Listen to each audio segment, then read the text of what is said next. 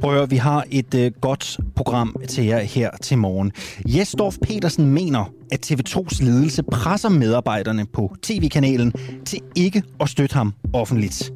Jesdorf han mistede jo sit profilerede job som tv-vært på TV2's God Aften Live tilbage i januar, da det kom frem, at Dorf angiveligt havde krænket to kvinder i henholdsvis 2001 og 2003. Jesdorf, han vil ikke lade det her gå hen. Han har flere gange turneret med sin uskyld og sagt, at dommen fra TV2 har været for hård. Men det er jo interessant, hvis Jesdorf i dag kan sætte navne på konkrete ledere, der lægger det her pres på medarbejderne, eller hvis han kan nævne konkrete medarbejdere, der har fået en reprimande. Han er med klokken 8, og jeg ved, der er rigtig mange, der mener, at vi måske ikke skal lave den her historie. At øh, han ikke skal have taletid. Og der vil jeg bare sige til jer, så skal I slukke radioen kl. 8. Fordi vi laver det. Vi kommer selvfølgelig også til at gå kritisk til ham. Men hvis I sidder derude og tænker, at den her historie er ligegyldig, det er lige meget at høre i Storfs side af sagen, sluk radioen kl. 8. Det er øh, bedste melding herfra. Der er højt til loftet og langt til døren i Venstre. Sådan lyder et mantra, primært venstrepolitikere selv turnerer med, men Johnny Kildrup fra Odense er nok uenig. Han er blevet ekskluderet fra Danmarks Liberale Parti, efter han i et interview med TV2 Fyn har sagt, at han gerne vil udfordre partiets borgmesterkandidat i Odense. Det er ham, der hedder Christoffer Lilleholdt. Og det ville han gerne, hvis det viste sig, at Kildrup fik flere stemmer. Det kostede ham jobbet som kandidat. Han er blevet ekskluderet af Venstre, og nu siger Kilderup så, at Venstre har et Nordkorea-inspireret topstyre. Hvad betyder det? Det prøver vi at dykke ned i om en halv times tid. Og så kigger jeg ud i regien, fordi jeg har jo glemt mine manuser herinde i studiet. Så hvis Peter Marstal, min producer, er sød og komme ind med dem, så ved jeg også, hvad der skal ske lige om lidt. Og inden det, så kan jeg sige, at vi også her på Den Uafhængige til morgen bringer det, man vist roligt kan kalde et vildt interview. Det gør vi med Emran på 23, som taler øh, dansk stort set uden accent. For to uger siden, der forsøgte han at komme til lufthavnen i Kabul, men blev fanget af Taliban, udsat for tortur og hængt op i et loft. Sammen med en ven undslap han ved at grave sig fri med en kniv. Nu er han bange, og han fortæller alt til den uafhængige i håb om at komme hjem til Danmark igen. Det er et vildt interview, og det kommer lige om lidt. Der går ikke meget mere end sådan en øh, 10 minutter, et øh, kvarter. Det her, det er en øh, uafhængig morgenklokken. Den er øh, to minutter over syv. Og du sidder sikkert og tænker, sker der ikke også et eller andet i det politiske øh, landskab i dag? Og det gør der. Det er i dag, rigsretssagen mod Inger Støjberg den starter. Det vender vi tilbage til senere. Det skal vi naturligvis også tale om. Og vi prøver også at få nogen til at tegne og fortælle, hvad det egentlig er, der helt konkret skal ske i dag her forud for en af de måske mest opsigtsvækkende sager i dansk politik længe. Mit navn det er Alexander Vils Lorentzen. Godmorgen og velkommen til en uafhængig morgen. Vi starter øh, med at sætte fokus på øh, banden Loyal to Familia, fordi i går der slog højesteret fast, at banden er en grundlovsstridig forening, der har til formål at udøve omfattende og alvorlig øh, kriminalitet. Øh, og nu kigger jeg, er, øh, har vi ringet op til Dan Bjergård? Det har vi. Godmorgen, øh, Dan Bjergård, og velkommen til.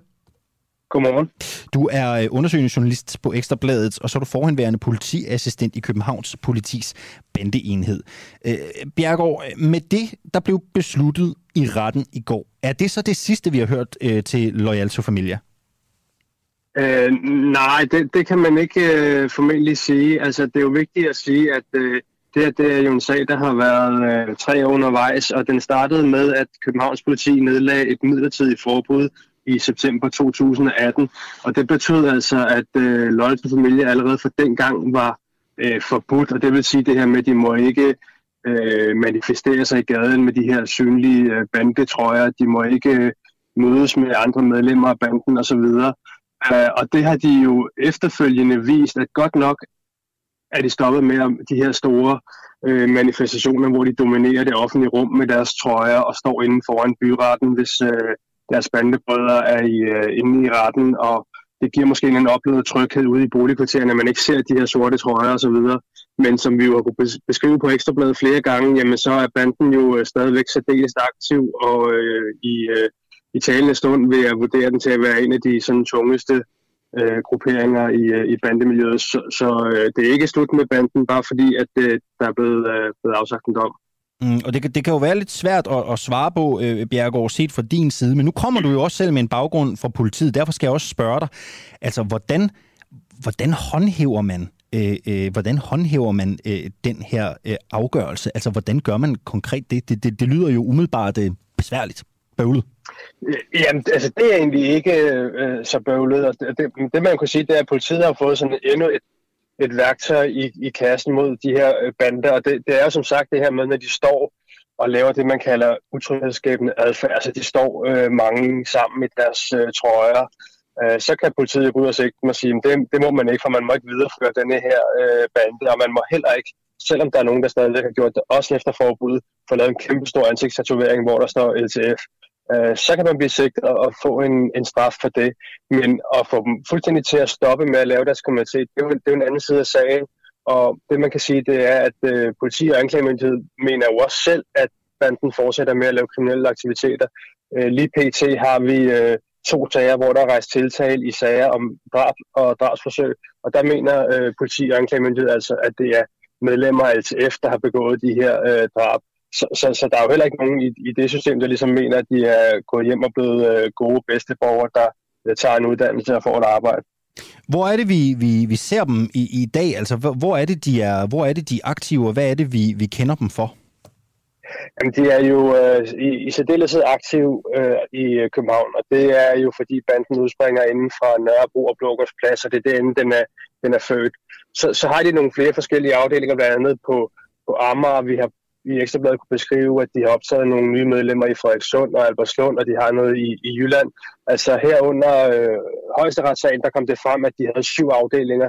Det vil nok vurdere måske lige i overkanten, der er på stykker, der er faldet fra faktisk undervejs her i sagen. Men, men det er sådan øh, i, i Storkøbenhavn, og så er der så lidt i, i Jylland.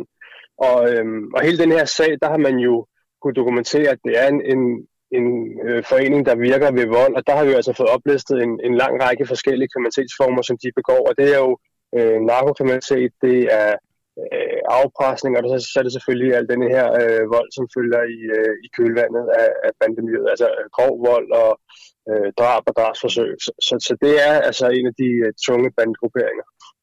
Nu har de jo øh, sikkert, øh, de har jo stadigvæk øh, alt deres merchandise, de har deres, deres veste, og, og, og hvad man nu ellers måtte have i sådan en gruppering, hvor der står LTF øh, øh, på.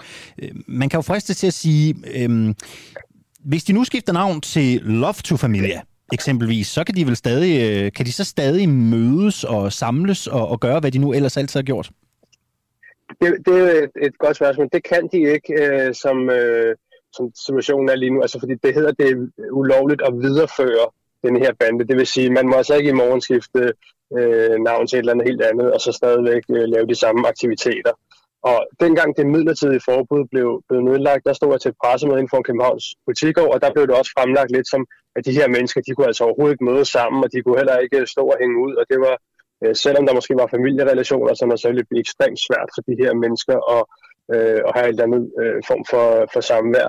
Lad mig sige, der har i hvert fald været en enkelt sag, der har vist, at det måske ikke helt sådan, det forholder sig. Der var en, en sag, hvor flere af de her øh, ja, tidligere toneangivende medlemmer af, LTF, for officielt er det jo ikke mere, men som mødtes i et øh, kælder, øh, kælderlokale inde i, øh, på Indre Nørrebro, hvor de sad og spillede øh, poker og drak alkohol, og der var noget has og nogle springknive og sådan noget.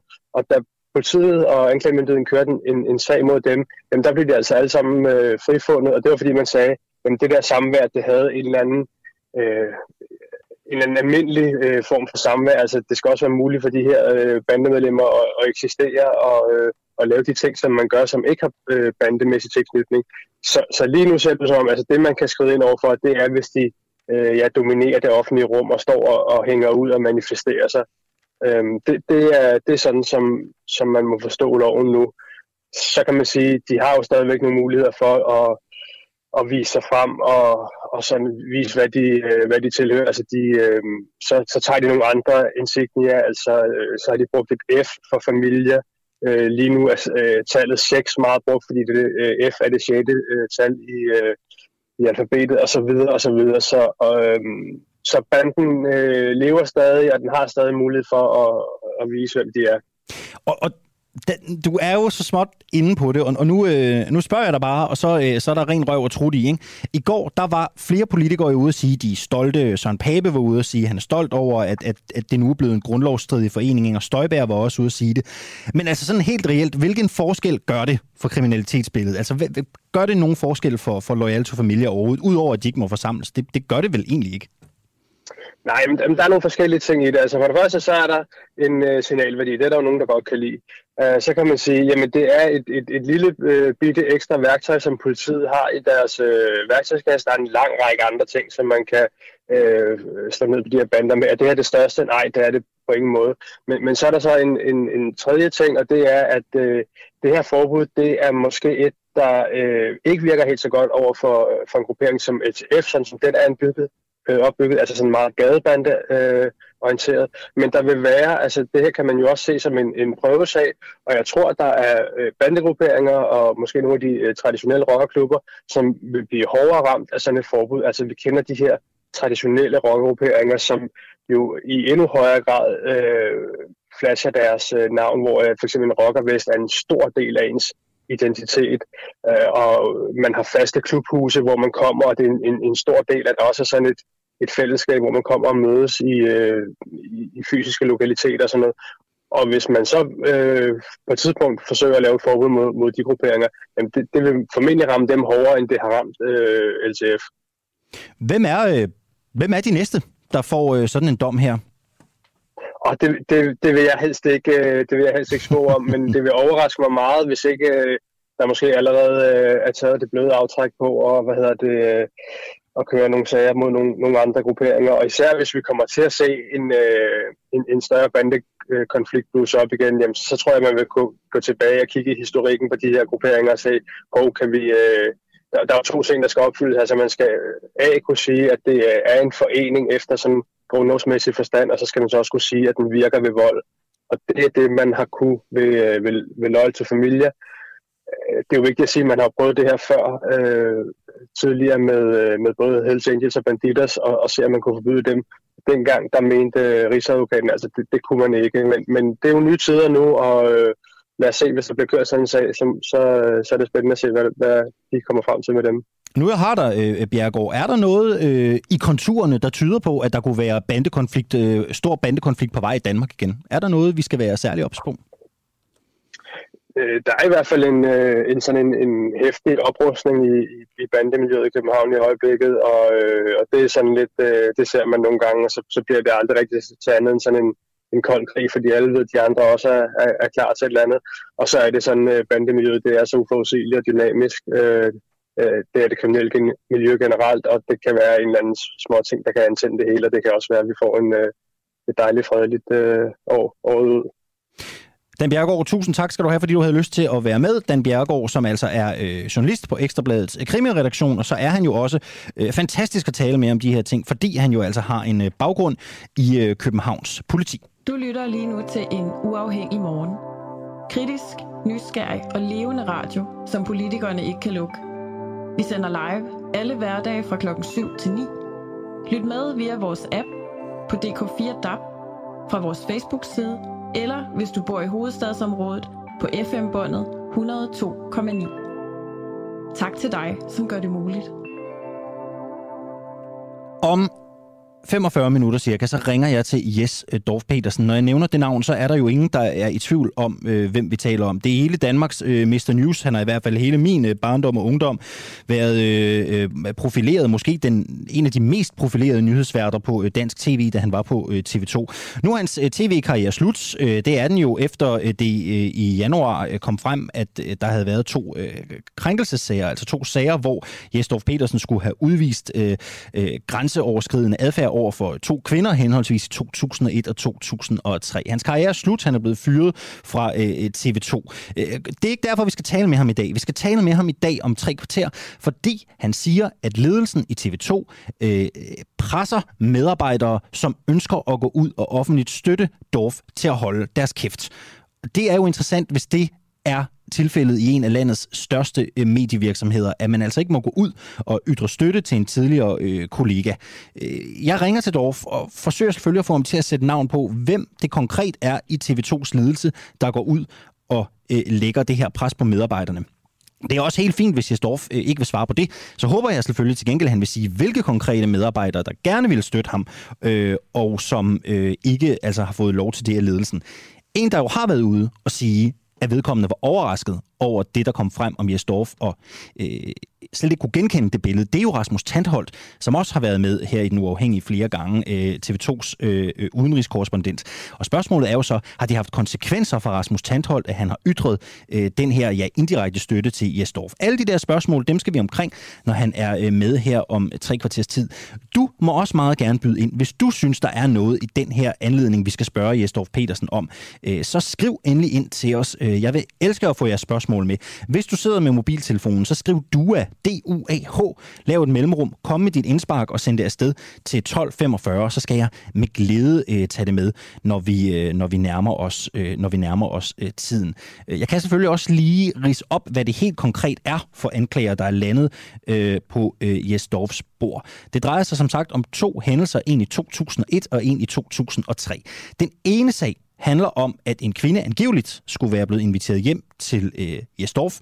Her skulle han have lagt en hånd over hendes mund og presset hende ned på briksen. Ifølge kvinden selv, så tiltvang Jesdorf sig til sex med hende.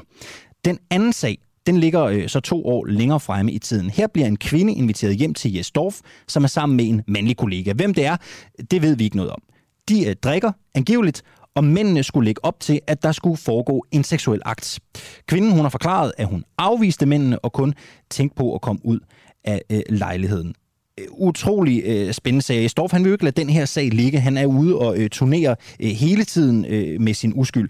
Nu prøver vi altså at give den et, et skud mere her om øh, tre kvarters øh, tid. Klokken den er øh, 16 minutter over syv her på en uafhængig øh, morgen, og nu skal vi til et øh, vildt interview, min øh, kollega øh, Clara Vind har gjort klar til jer her til morgen. Fordi for to uger siden forsøgte den 23-årige Imran at komme til lufthavnen i Kabul. Han blev fanget af Taliban, udsat for tortur og hængt op i et loft.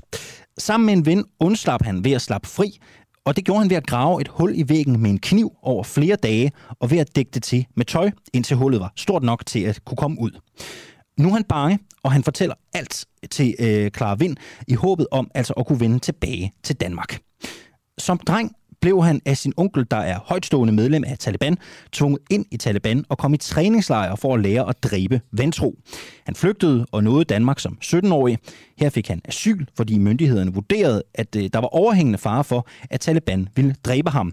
Men den rodløse mand han ender i konflikt med loven og bliver udvist til hjemlandet efter våbenbesiddelse og narkotikakriminalitet. Lyt nu godt efter til det her øh, fantastisk spændende og altså også ret vilde interview, som Klar har begået. Kan du prøve og fortælle mig om episoden, hvor at dig og Jamil I bliver fanget af Taliban? Okay. Uh, vi, går, vi gik frem og tilbage fra, vi gik frem og tilbage lige ved lufthavnen, uh, øh, så vi, vi skulle finde vej til, at vi skulle gå ind i lufthavnen for øh, uh, stikke af os fra den, faktisk, fordi vi var i trusse alligevel. Så han kendte ikke nogen, jeg, jeg også, jeg var bange for min onkel. Så vi bliver stoppet af øh, Taliban, og så spørger de os om øh, Koran. Jeg kunne godt, jeg kunne godt læse for dem, men min kammerat, han kunne ikke læse Jamil. Og det var svært for ham at øh, læse Koran, så han, de kiggede på hans tatovering, og så, blev, så sagde jeg, at I skal, I skal sammen med. Så vi fik lysning, og, og de, de presser, de rykker os frem og tilbage, så vi, de, de giver os hånden i hånden, så vi sidder bag ved bilen de, vi tog til øh, et sted, hvor de bliver lagt, øh, altså vi bliver holdt sådan op på, på luften. Okay, så Jamen, øh, I, altså, I går på gaden, ja. og så, øh, så møder I Taliban, der øh, spørger øh, dig... Ja, og i lufthavnen. Ja, i lufthavnen, om I, om ja. kan Koranen, ja. og øh, de ser tatoveringer. Så smider de ja. op bag på en bil, og hvor er det, de, de kører hen? Ja. Ja, de kører også i en sådan rød, og så kører også sådan sted, det sådan gamle sted, øh, holder folk til mig. Og så der var lige ved siden af deres øh, egen huset, så hvor de boede ved Taliban. Hvad er det første, der sker, der, når I kommer ja, til det her sted? Så, ja, øh, ja, så vi, øh, så vi bliver hænget øh, lige i luften, vores hænder. Og så, så begyndte de at taske os. Og så efter øh, hele dagen, ikke også? Så hele natten også der. Så om morgenen, når de kommer ind til mig, så siger de, din onkel, øh, så snakker de mig, med mig om min onkel. Så de løsleder os, og så vi, vi var bare øh, ned på gåden, og så begyndte de på at slå os bag, bag, bag i de med? Det var sådan det der politiet, de har, ikke? Øh, jeg kan huske rigtigt. Røv, ja, en stav, og så så, altså forskellige ting, du, så også, øh, huske navnet, Ja, men det, det, det faktisk, det var mere med det der politiet, der slår dig, ikke også? Og så det var en slange, hvis du kender slangen, mm. altså vandslange, waterslange.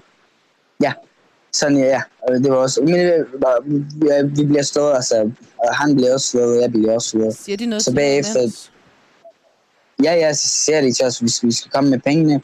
Og så det, efter det, når de, når de fik ved, altså mig og min onkel, ikke også, så sagde de snart, at min onkel, han kommer efter dig. Og så de siger til mig, at vi, vi begynder at altså, skære jeres arme for tatovering, og, og ham der, han er hele... Altså, skære jeres arme af? Ja, de vil, skære, de vil starte fra fingre af op til hele armen. Hvorfor? Fordi de, de havde det der flag på, øh, på uh, hånden, ikke? Og de siger, at det er haram tatovering. Og det hele. I har på, som tatovering? Ja, afghansk flag, okay. ja.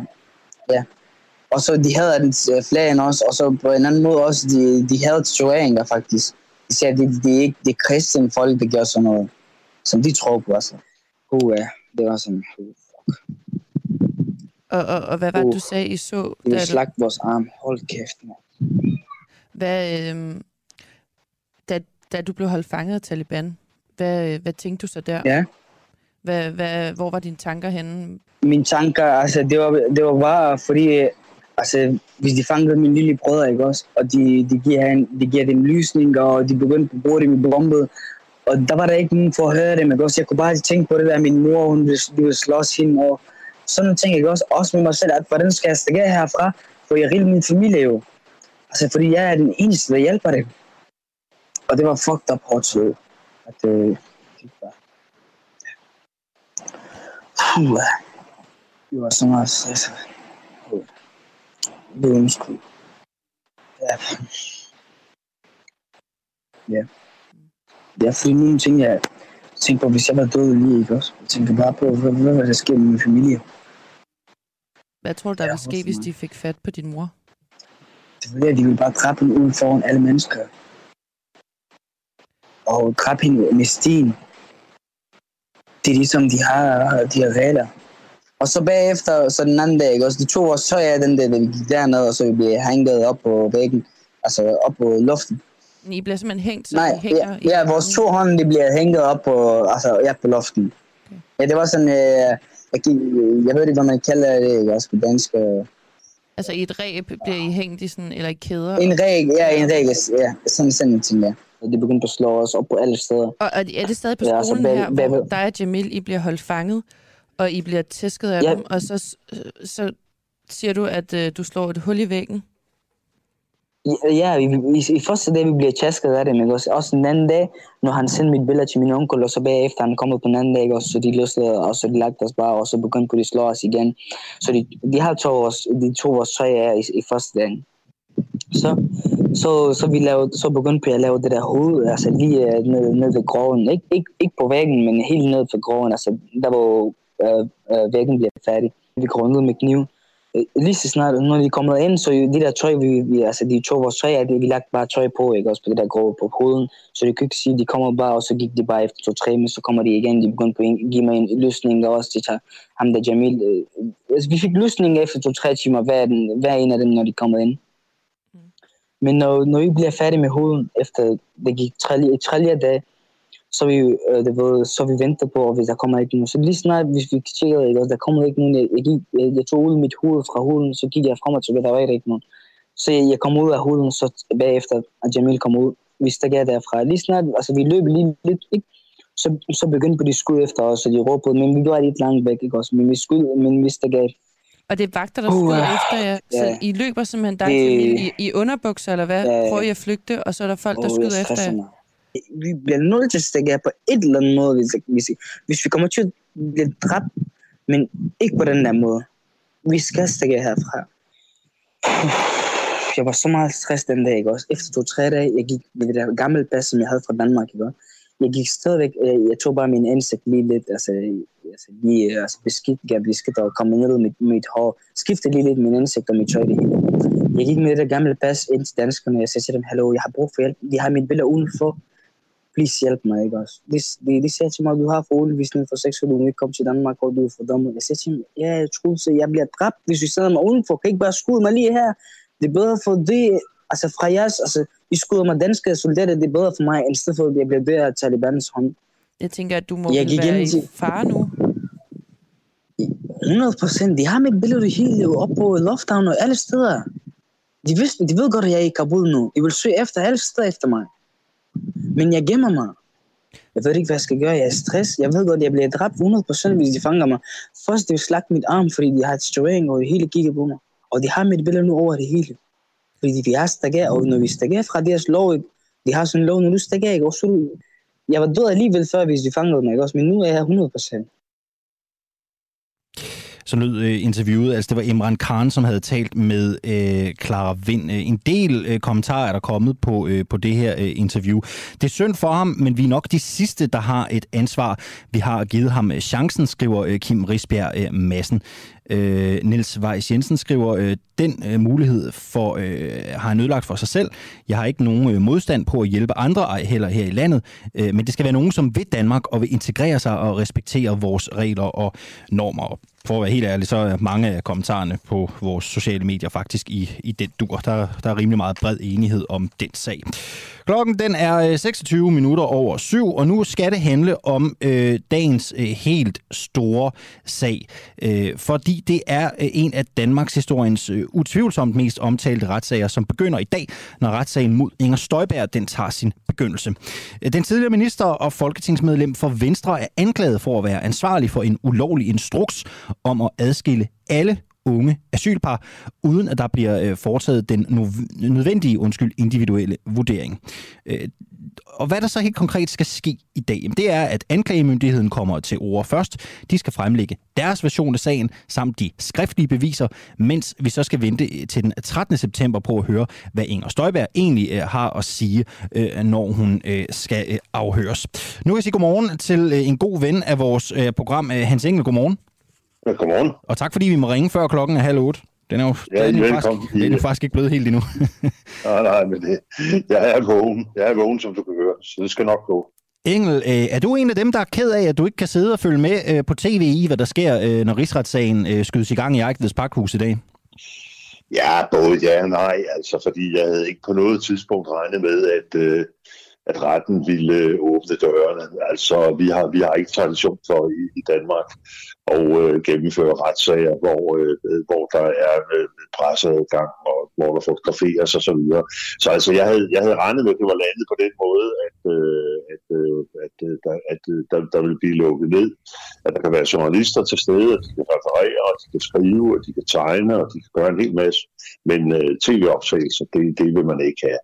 Og det kan vi så tage en lang diskussion om, er det rigtigt eller det er forkert. Altså, jeg hører nok til den del, der selv synes, at jeg synes, det er rigtigt nok. Jeg tror, det ville få en helt anden karakter, hvis vi lavede øh, tv-transmissioner for, for den type af sager. Men jeg kan godt som presmand se, at øh, der vil også, der, det, det vil selvfølgelig også være underholdende det vil give folk en mulighed for at være fuldstændig øh, tæt på. Og Støjberg selv har jo ønsket, at det skulle køre for øh, helt åbne øh, døre. Altså hendes synspunkt var jo, at øh, når hele anklagedelen, altså debatten i Folketinget, kunne køres for, for med fuld tv-dækning, hvorfor kan forsvarsdelen, altså det, der kommer til at foregå i retten, hvorfor kunne det så ikke? Og det var jo sådan set et meget, det er i hvert fald et argument, der lyder meget godt. Hun har jo også øh, angiveligt startet sådan et, øh, ja, jeg ved ikke, hvad man skal kalde det, kan vi kalde det, hvad fræk og kalde det et politisk OnlyFans, hvor man for en månedlig betaling kan få lov til at høre øh, Inger Støjbergs egen version af, hvad der sker i rigsretssagen, hendes egen analyse af, situationen. Engel, altså hvor exceptionelt er det, der skydes i gang i, i dansk politisk historie i dag? Jamen, det er exceptionelt. Altså, for det første er, er rigsretssagen i sig selv jo exceptionelt. Altså i nyere tid har vi jo kun haft to Tamilsager mod Niel Hansen, og så, og så den her sag med Støjberg. Øh, ellers så skal vi tilbage i lang tid over i et helt andet politisk system, der fungerede helt anderledes. Så, så altså, så man kan sige, to, to sager over, over så lang overrække, det, det viser jo alene, hvor hvor enestående det her er. Men så er den også enestående, fordi da Tamilsagen kørte i sin tid, der valgte Ning Hansen, som jo var justitsministeren og som var tiltalt i den gang, han valgte så nærmest at gå, at gå helt under jorden. Altså, han øh, stillede ikke meget op i medierne, han kommenterede ikke sagen, han øh, holdt meget, meget lav profil, deltog ikke i møder i Folketingsgruppen øh, og var i det hele taget fraværende, øh, mens øh, hele sagen øh, kørte. Øh, Inger Støjberg, hun har valgt den fuldstændig modsatte øh, strategi. Hun er til rådighed 24 timer i døgnet for medierne. Hun går løs, og nu har hun så oprettet også et site, hvor man kan gå ind, og så kan man abonnere, og så får man hele hendes udlægning af, hvad der er foregået. Så det vil sige, at hun vælger en enormt offensiv linje i forhold til folk. Øh, kom her, I kan få det hele at vide af mig. Jeg skjuler ikke noget, jeg har ikke noget at skjule, og øh, jeg er til rådighed for, for medierne øh, hele tiden. Så, så det, det, det er meget interessant at se, øh, hvilken kæmpe forskel der er på den måde, hun håndterer den her sag, og så hvordan øh, Tamil-sagen øh, i sin tid øh, kørte. Hvad tror du selv udfaldet bliver, Engel? Du er jo en af de øh, fremmeste analytikere og mest brugte i dansk politik. Hvad tror du udfaldet bliver? Ja, jeg, jeg synes, det er meget, meget svært. Altså, umiddelbart vil jeg tro, at uh, Inger Støjberg bliver dømt. Altså, når man læser den, uh, den lange beretning, der blev lavet, og man uh, læste også forsvarsskrifterne, uh, så Folketingets uh, behandling af sagen, så, så tror jeg, hun bliver død. Men jeg tror ikke, hun får nogen øh, årstraf. Det tror jeg ikke. Det bliver ikke noget med, hun kommer til at sidde og ruske ude i Vesterfængsel i halve og hele år. Det, det tror jeg sådan set ikke.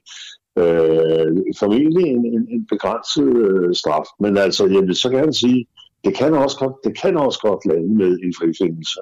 Altså alle vi, der, altså journalister og kommentatorer osv., som, som følger denne her sag og, og som har, har fulgt den fra, fra starten, øh, der er der en, en betydelig grad af uenighed. Altså øh, nogen mener, at øh, Støjberg hun klarer, hun klarer den igennem, og andre mener, hun er blevet dømt. Så altså du kan sige, er ikke jurister, men folk, der er kyndige på sagen, der, der er billedet ikke fuldstændig øh, entydigt.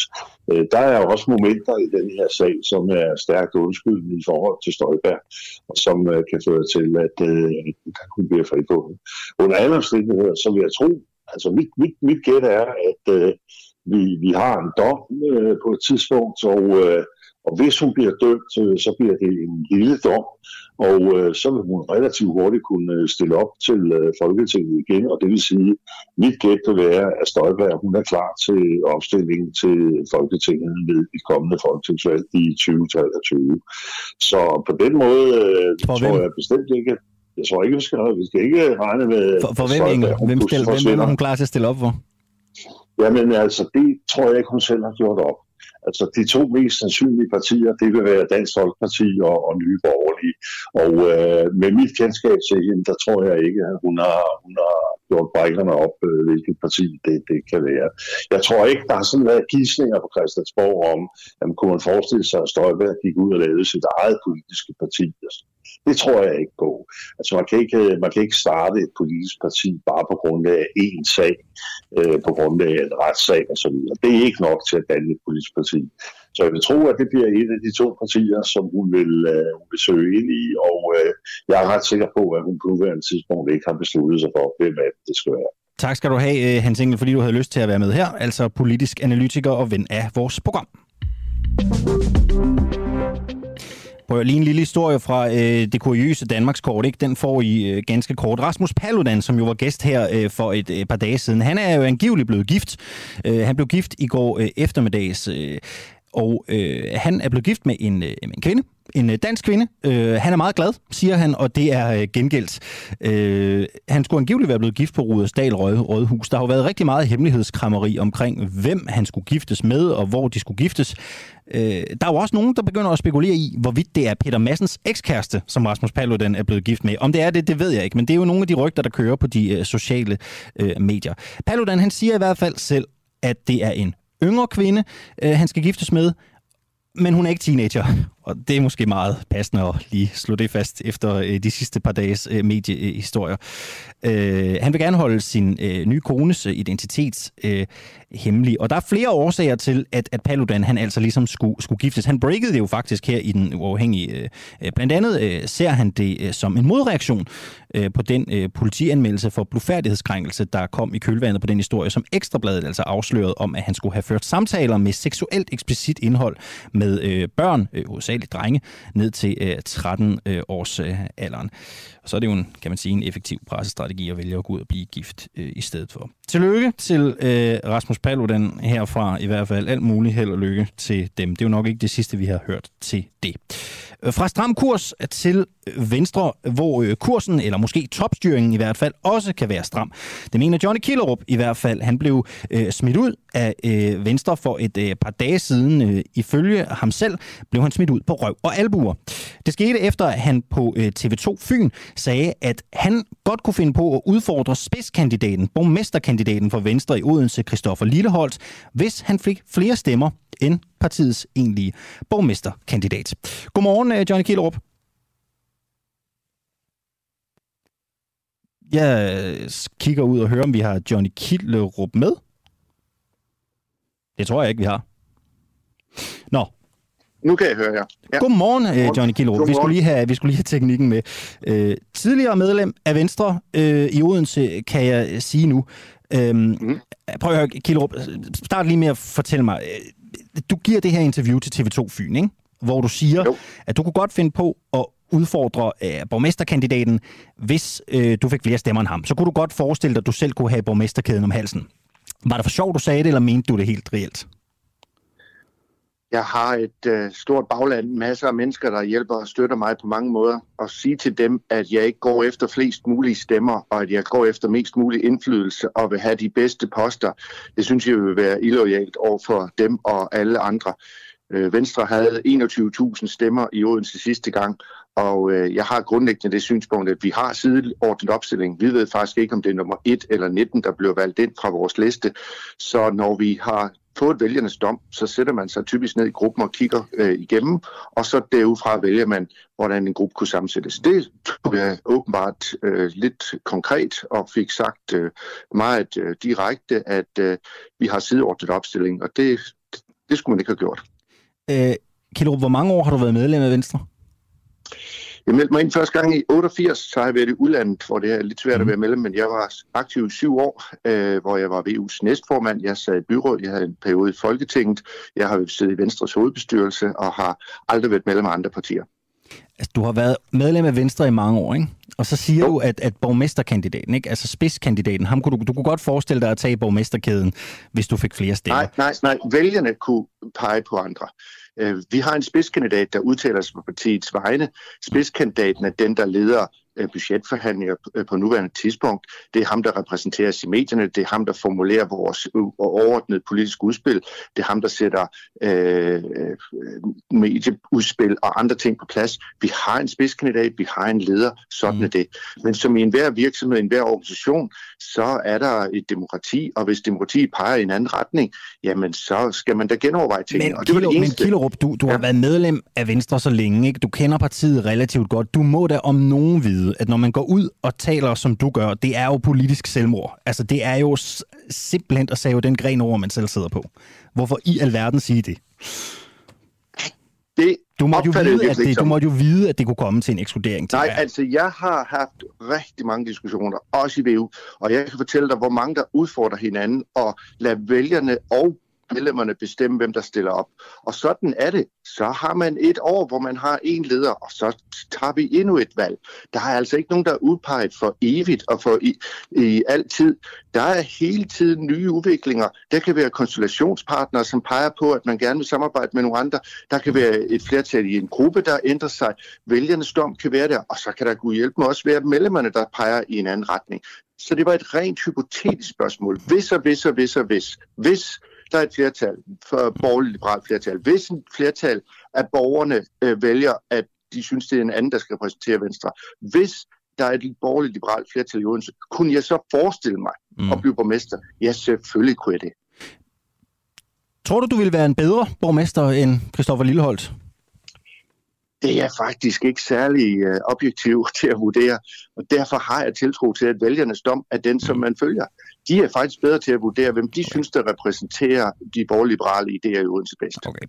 Øh, du har jo sagt, at, at Venstre efter den her øh, ekskludering, siger du, at de har et Nordkorea-inspireret topstyre. Prøv at beskrive det for mig.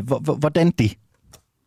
Altså for det første, så synes jeg, at det er en utrolig præcedens, at hvis kritik, udfordringer, nytænkning, nye måder at gøre det på, hver gang man kommer til at ytre sig øh, lidt kritisk, så opfattes det som illoyalt. Og hvis man begår en fejl, jeg har ikke fået nogen advarsler, jeg har ikke fået nogen tjenestlige samtaler eller kammeratlige samtaler, jeg har ikke på skrift, mundtligt, telefonisk mail blevet opfordret til at trække det tilbage mm. eller uh, præcisere det. Hvis det er det, hvis man skal begå så små fejl, så er det en topstyring, der gør, at hverken medlemmerne har ikke blevet hørt om det her. Det er en bestyrelse på syv medlemmer, der træffer en beslutning ud af 500 medlemmer i Venstre og ud af 21.000 medlemmer i by, eller stemmer i byen.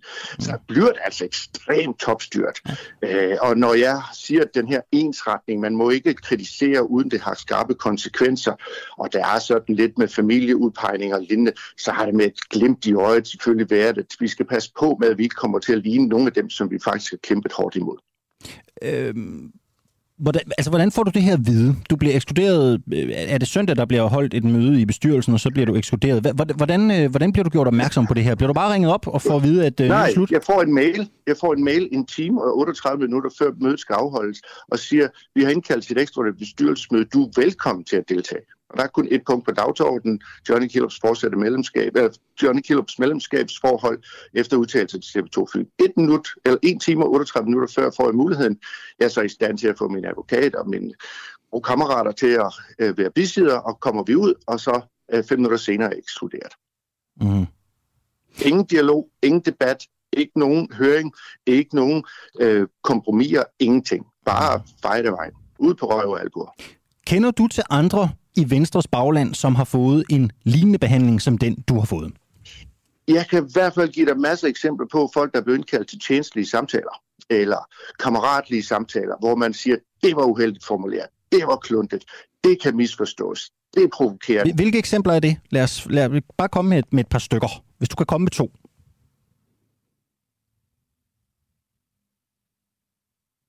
Johnny Kilorup, kan du høre mig? Jeg tror, vi kæmper lidt med teknikken i dag. Noget, der kan misforstås. Og så tager man øh, det Kilo, jeg, afbryder, jeg, afbryder dig, jeg afbryder dig lige, for vi ja. var lige ude, der var død luft et øjeblik. Altså, kan du komme med okay. et par eksempler på, øh, at det, du selv siger, er, kan være kluntet øh, kommunikation, altså er, ligesom er, har medført til reprimander fra partiet. Kan du komme med et par eksempler på, sådan konkret eksempler ja, vi, på, hvad der har været tale om? I, Ja, i, øh, da jeg var næstformand i VU, var der en meget følelsesladet diskussion omkring Maastricht-traktaten, øh, om vi var for eller imod. Øh, Venstre var jo meget for, og der var flere kræfter i VU, der var meget kraftigt imod. Der var nogen, der endda gik i avisen med folke, eller folkebevægelsen mod EU eller EF, hvad det hed på det tidspunkt. Og der var vi alle, der var der flere, der var til tjenestlige samtaler hos både øh, Venstres ledelse, og vi havde det også internt i VU, hvor vi måtte præcisere nogle ting og lave fælles presmeddelelser, eller korrigere, eller undskylde, eller andet. Det er helt normalt i et parti, at man indkalder rebeller, eller folk, der er lidt for frække, lidt for hurtige, lidt for smarte, til en lille samtale og siger, ved du hvad, øh, skru lige ned for retorikken. Jeg tror, vi lige skal have det her præciseret. Jeg kender ingen eksempler på, hvor man uden en eneste advarsel, uden en eneste kommunikation eller andet, bare smider folk ud. Det er derfor, jeg siger, at det her det virker øh, på en helt ekstrem topstyring, som jeg ikke har. Jeg, har ikke, jeg kan ikke genkende Venstre i det her. Mm. Du er jo øh, på mange måder en, øh, et sjovt indslag, kan man sige, ikke? fordi du er meget inspireret af, af den amerikanske valgkamp. Du har boet i USA i mange år, øh, og hvis jeg ikke tager meget fejl, så havde du også øh, ligesom lejet et kampagnekontor, øh, hvor, du kunne få, øh, hvor du kunne få folk ind og, og få en snak om, om dine politiske holdninger. Øh, du har også haft store plakater hængende i, i Odense. Altså, du har vel betalt for de der ting. Hvad så nu? Hænger du egentlig stadig rundt omkring på billedet, bypilledet i Odense, og har du din, øh, din, din, din valgpik stadigvæk? Ja, ja, alt er okay, og kampen fortsætter, fordi det her, det er jo ikke et, øh, kun et spørgsmål om, øh, om øh, penge, eller om der er et logo, der skal ændres eller andet. Jeg har noget på hjertet. Jeg kunne have sat mig tilbage. Jeg har det godt, familiært, forretningsmæssigt, alt er fint. Men jeg synes faktisk, jeg, jeg er 24 år yngre end Joe Biden, så jeg tænker faktisk, jeg har øh, lidt skud i bøssen endnu, og vil faktisk gerne komme hjem og være med til at modernisere det politiske arbejde, en ny måde at køre dialog på. Og hvor skal, du gøre det, så? Op. hvor skal du gøre det så nu? Det bliver offentliggjort på tirsdag. Det bliver offentliggjort på tirsdag? Ja. Jamen, ej, men, øh, lad, os, lad, os, lad os få det nu. Kun, kun mellem øh, dig og mig. Hvor, hvor skal du hen nu og føre politiske... Øh... Ved du hvad, du får en invitation til et brav af en åbning. Ah, Kilorup, kom nu. Er det, skal du i øh, konservativ? Det skal jeg ikke. Liberal Alliance? Jeg kan ikke huske, hvad du spurgte om. Øh, jeg kan ikke huske, om det blev en uh, liste, uh, borgerliste, om det kommer til at ligge i et disciplineret uh, politisk bevægelse, eller om det bliver et parti. Det er det, der bliver offentliggjort på tirsdag. Men jeg skal ikke være medlem af konservativ. Okay, men jeg, du begyndte at snakke lidt udenom, da jeg sagde Liberal Alliance. Ved du hvad, Killerup, du vil ikke sige det til mig. Det er også okay, men uh, tusind tak skal du have, fordi du havde lyst til at være med. Tak for muligheden. Du lytter til Den Uafhængige Danmarks måske mest kritiske, nysgerrige og levende taleradio, som politikerne ikke kan lukke. Mere end 3.000 medlemmer støtter os allerede, og jo flere vi er, jo mere og jo bedre journalistik kan vi sende ud til dig. Se hvordan du kan støtte os. Gå ind på duah.dk.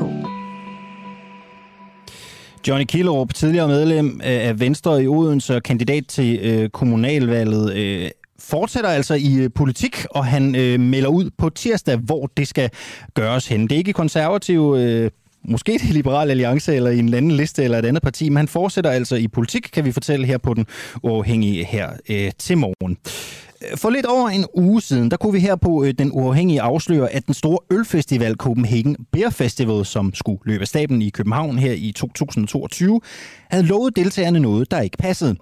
10 ud af 15 af de store bryghuse, der stod på deltagerlisten til festivalen, havde nemlig slet ikke tilmeldt sig. Efter vores afsløring blev al information om øh, festivalen pludselig fjernet fra sociale medier og Ticketmaster, hvor man kunne købe billet. Omkring 700 almindelige deltagere havde ellers meldt sig interesseret på Facebook, og billetsalget har været i gang i nogen tid. De bryghuse, der rent faktisk havde sagt ja til at deltage, ja, de frygter nu at sidde med håret i øh, postkassen. Godmorgen, øh, Christian Christensen. Godmorgen. Du ejer af bryghuset Charter Brewing. Har du betalt for at være med i festivalen? Ja, jeg, jeg betalte en faktura, de sendte i juli. Mm-hmm. Har du fået penge tur endnu? Nej, for det, man kan ikke få fat i dem. Hvad har du gjort for at få fat i dem? Jamen, øh, jeg har prøvet at skrive på alle offentlige mailadresser til dem, og så har jeg forsøgt at ringe til de telefonnumre, jeg så kan finde, der er forbundet til CVR-nummer. Og det er hele øh, lukket og slukket. Intet svar. Og ja. Mm. Og du har betalt øh, du har betalt 500 kroner i fakturer for at være med. Øhm, ham der står registreret som festivalforeningens ejer, det er, det er, Christian, det er Christian Valentin. Øhm, hvorfor tror du, det er så svært at komme i kontakt med, med de her mennesker? Altså, det, hvis man fjerner det hele, og man lukker telefonnummer, så må det jo næsten være, fordi at det er gjort med vilje øh, så forventer de jo nok ikke, at det bliver sådan noget alligevel. Og så er de jo løbet, med, løbet af sted med det, de kunne med mit bud. Mm-hmm. Hvad, øhm, altså, hvad synes du, det er for et, øh, altså, hvad, hvad, er det for et, hvad er det for et signal, man, man, man sender til, til jer og til alle de deltagere, der har købt billet, når man, når man agerer sådan her? Altså, det er jo ikke fordi 500 kroner er det, der vælter mm. budgettet for de fleste af os. Øh, men det er jo ret småligt, og det er nok, det er jo frækt. Øhm, og den ølscene, der er i København, øh, de festivaler, der er til rådighed for os, det er jo ikke fordi, der er så frygtelig mange af dem. Øhm, så det, at man, man gør det her, både over for gæsterne og for, for bryghusene, det er jo det er lidt frækt, hvis du spørger mig. Nu øh, har du betalt de her øh, 500 kroner, og, øh, og du har ikke fået dem tilbage. Du kan ikke komme i kontakt med nogen af arrangørerne, eller nogen af dem, der står for det her event. Øh, hvad gør du så egentlig nu? Ja, det ved jeg faktisk ikke helt. Jeg overvejer lidt at politianmelde ham, bare fordi man, det kan man jo. Men jeg ved det ikke helt. Selskabet står som tvangsopløst nu, så jeg, ja, jeg helt blank. Det er første gang, det sådan noget her er, er sket for mig personligt. Du er jo nok ikke den eneste, der står i den situation. Har du hørt fra andre, som står i øh, lignende situation, som har forsøgt at øh, få penge tilbage eller komme i kontakt med, med arrangørerne, men som heller ikke har lykkes med det? Øh, personligt nej. Jeg har kun kunne se rundt omkring på, på andre Instagrams, at, at, at der er andre, der har haft erfaring med, med Christian Valentin her.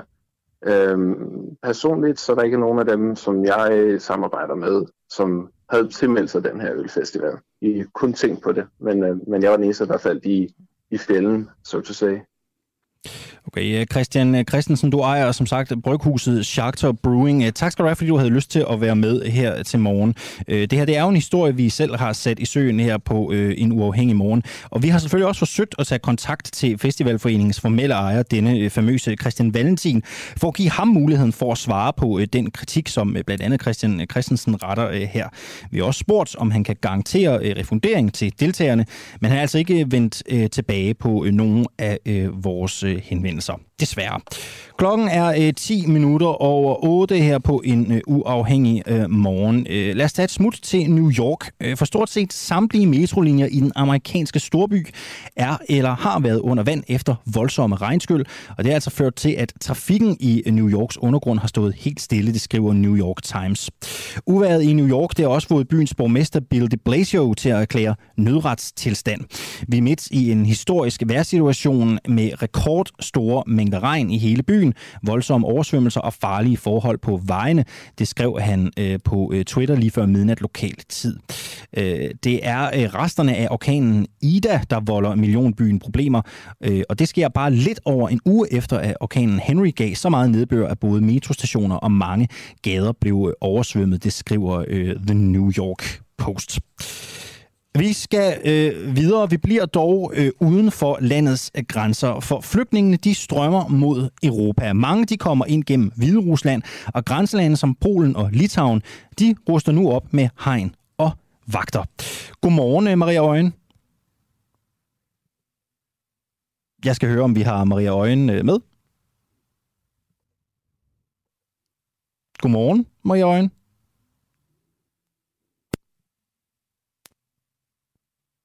Maria Øjen, kan du høre uh, Alexander Lorentzen i studiet? Nu kan jeg høre noget. Fantastisk. Godmorgen og velkommen til. Du er journalist med base i Vilnius i uh, Litauen. Uh, hvorfor lader Hvide Rusland uh, flygtningene igennem til Europa?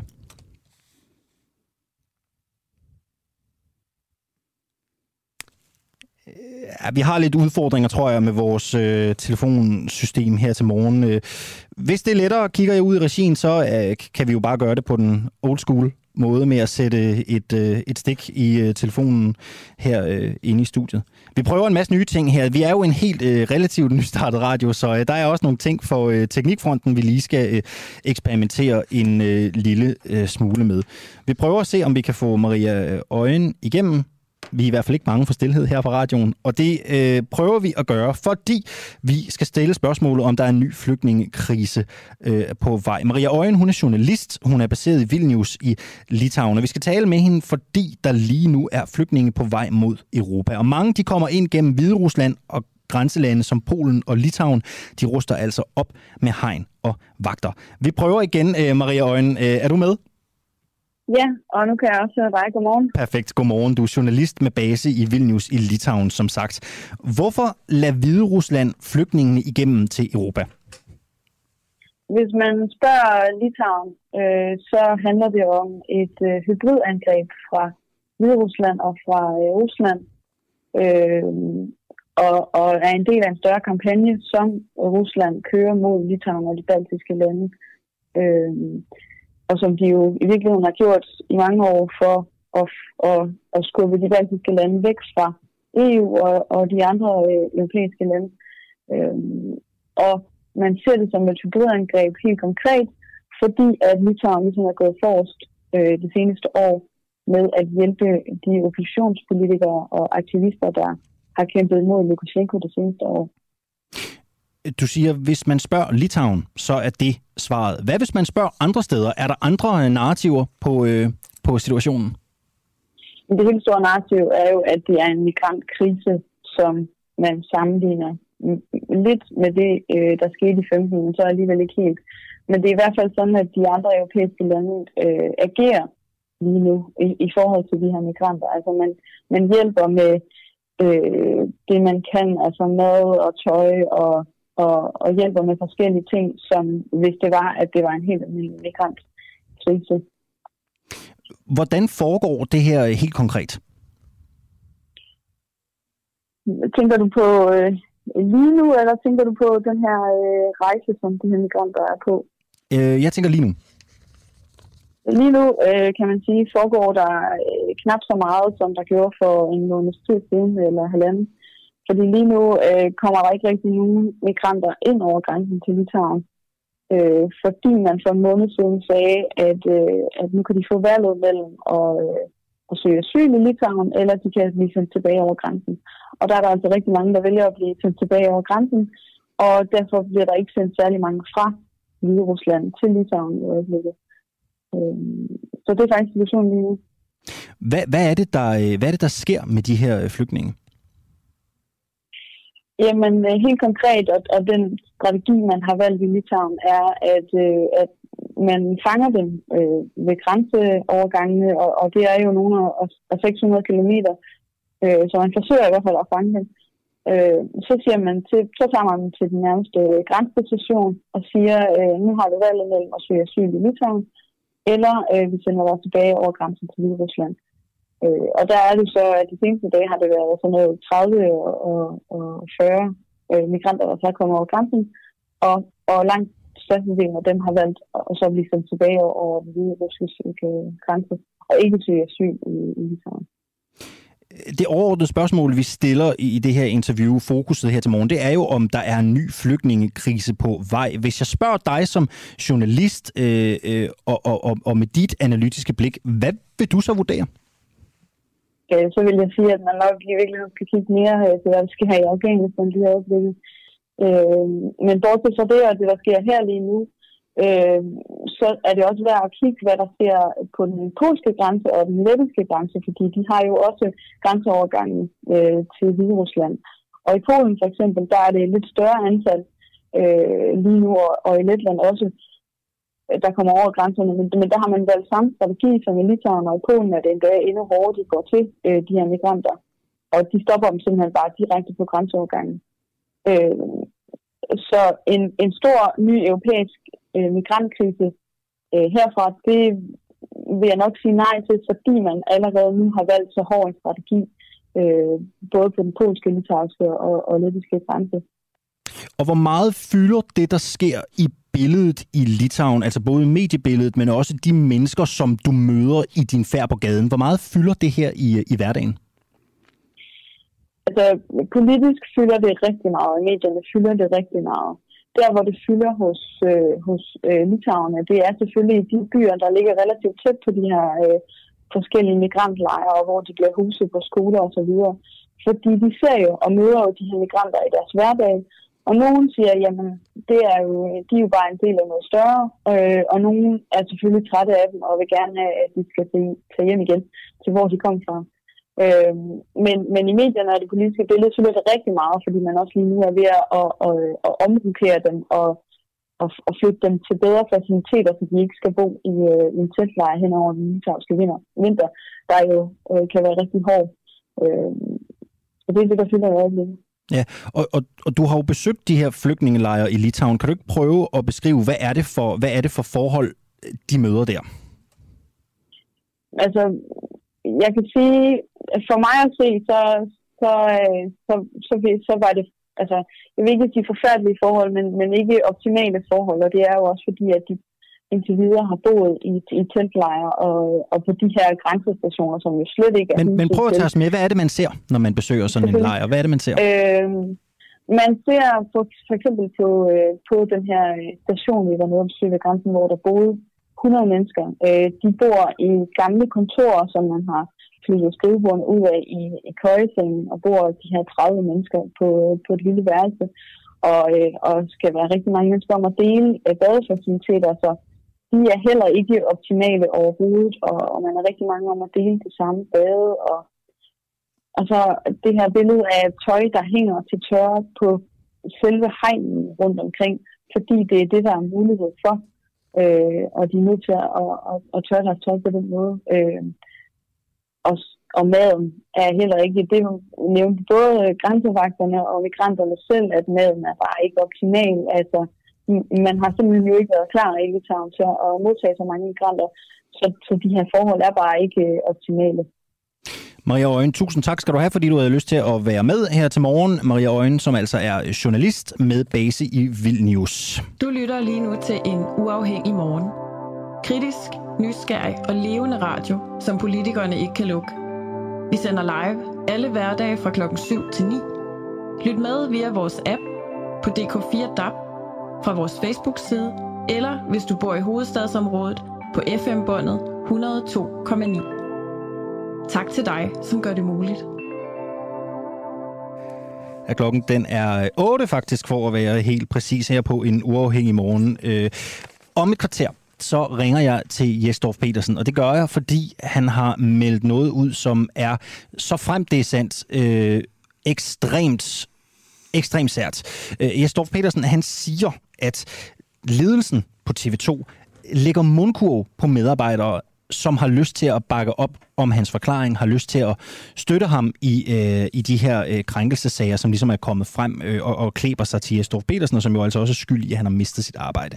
Jeg spørger ham om et kvarter, om han vil sætte navn på, hvem i TV2's ledelse, der lægger mundkur på de ansatte, og selvfølgelig også om, hvilke medarbejdere på TV2, der gerne vil ud og understøtte hans øh, forklaring. Det håber jeg selvfølgelig, han har lyst til at dele med os, øh, for ellers er det jo svært. Så er det jo bare en påstand øh, og så er det påstand mod påstand. Det er om et kvarter, og hvis du synes, jeg skal spørge Jesdorf Petersen i den her anledning om noget særligt, så er du velkommen til at skrive ind til mig. Øh, det gør du ved at øh, skrive enten i kommentarfeltet på det øh, Facebook Live feed, der kører øh, lige nu, øh, hvis du ser med på Facebook. Du kan også sende mig en sms. Du skriver DUA, D-U-A-H, laver et mellemrum og øh, fyrer din øh, besked afsted til 1245. Du kan også skrive på Twitter og tagge os den uafhængige, så når det også herind i studiet til mig. Men indtil da, så skal vi øh, tale med øh, Thomas Peter Clausen, tidligere lektor på CBS, og så er du også CEO for Ubanking APS. Godmorgen og velkommen til dig.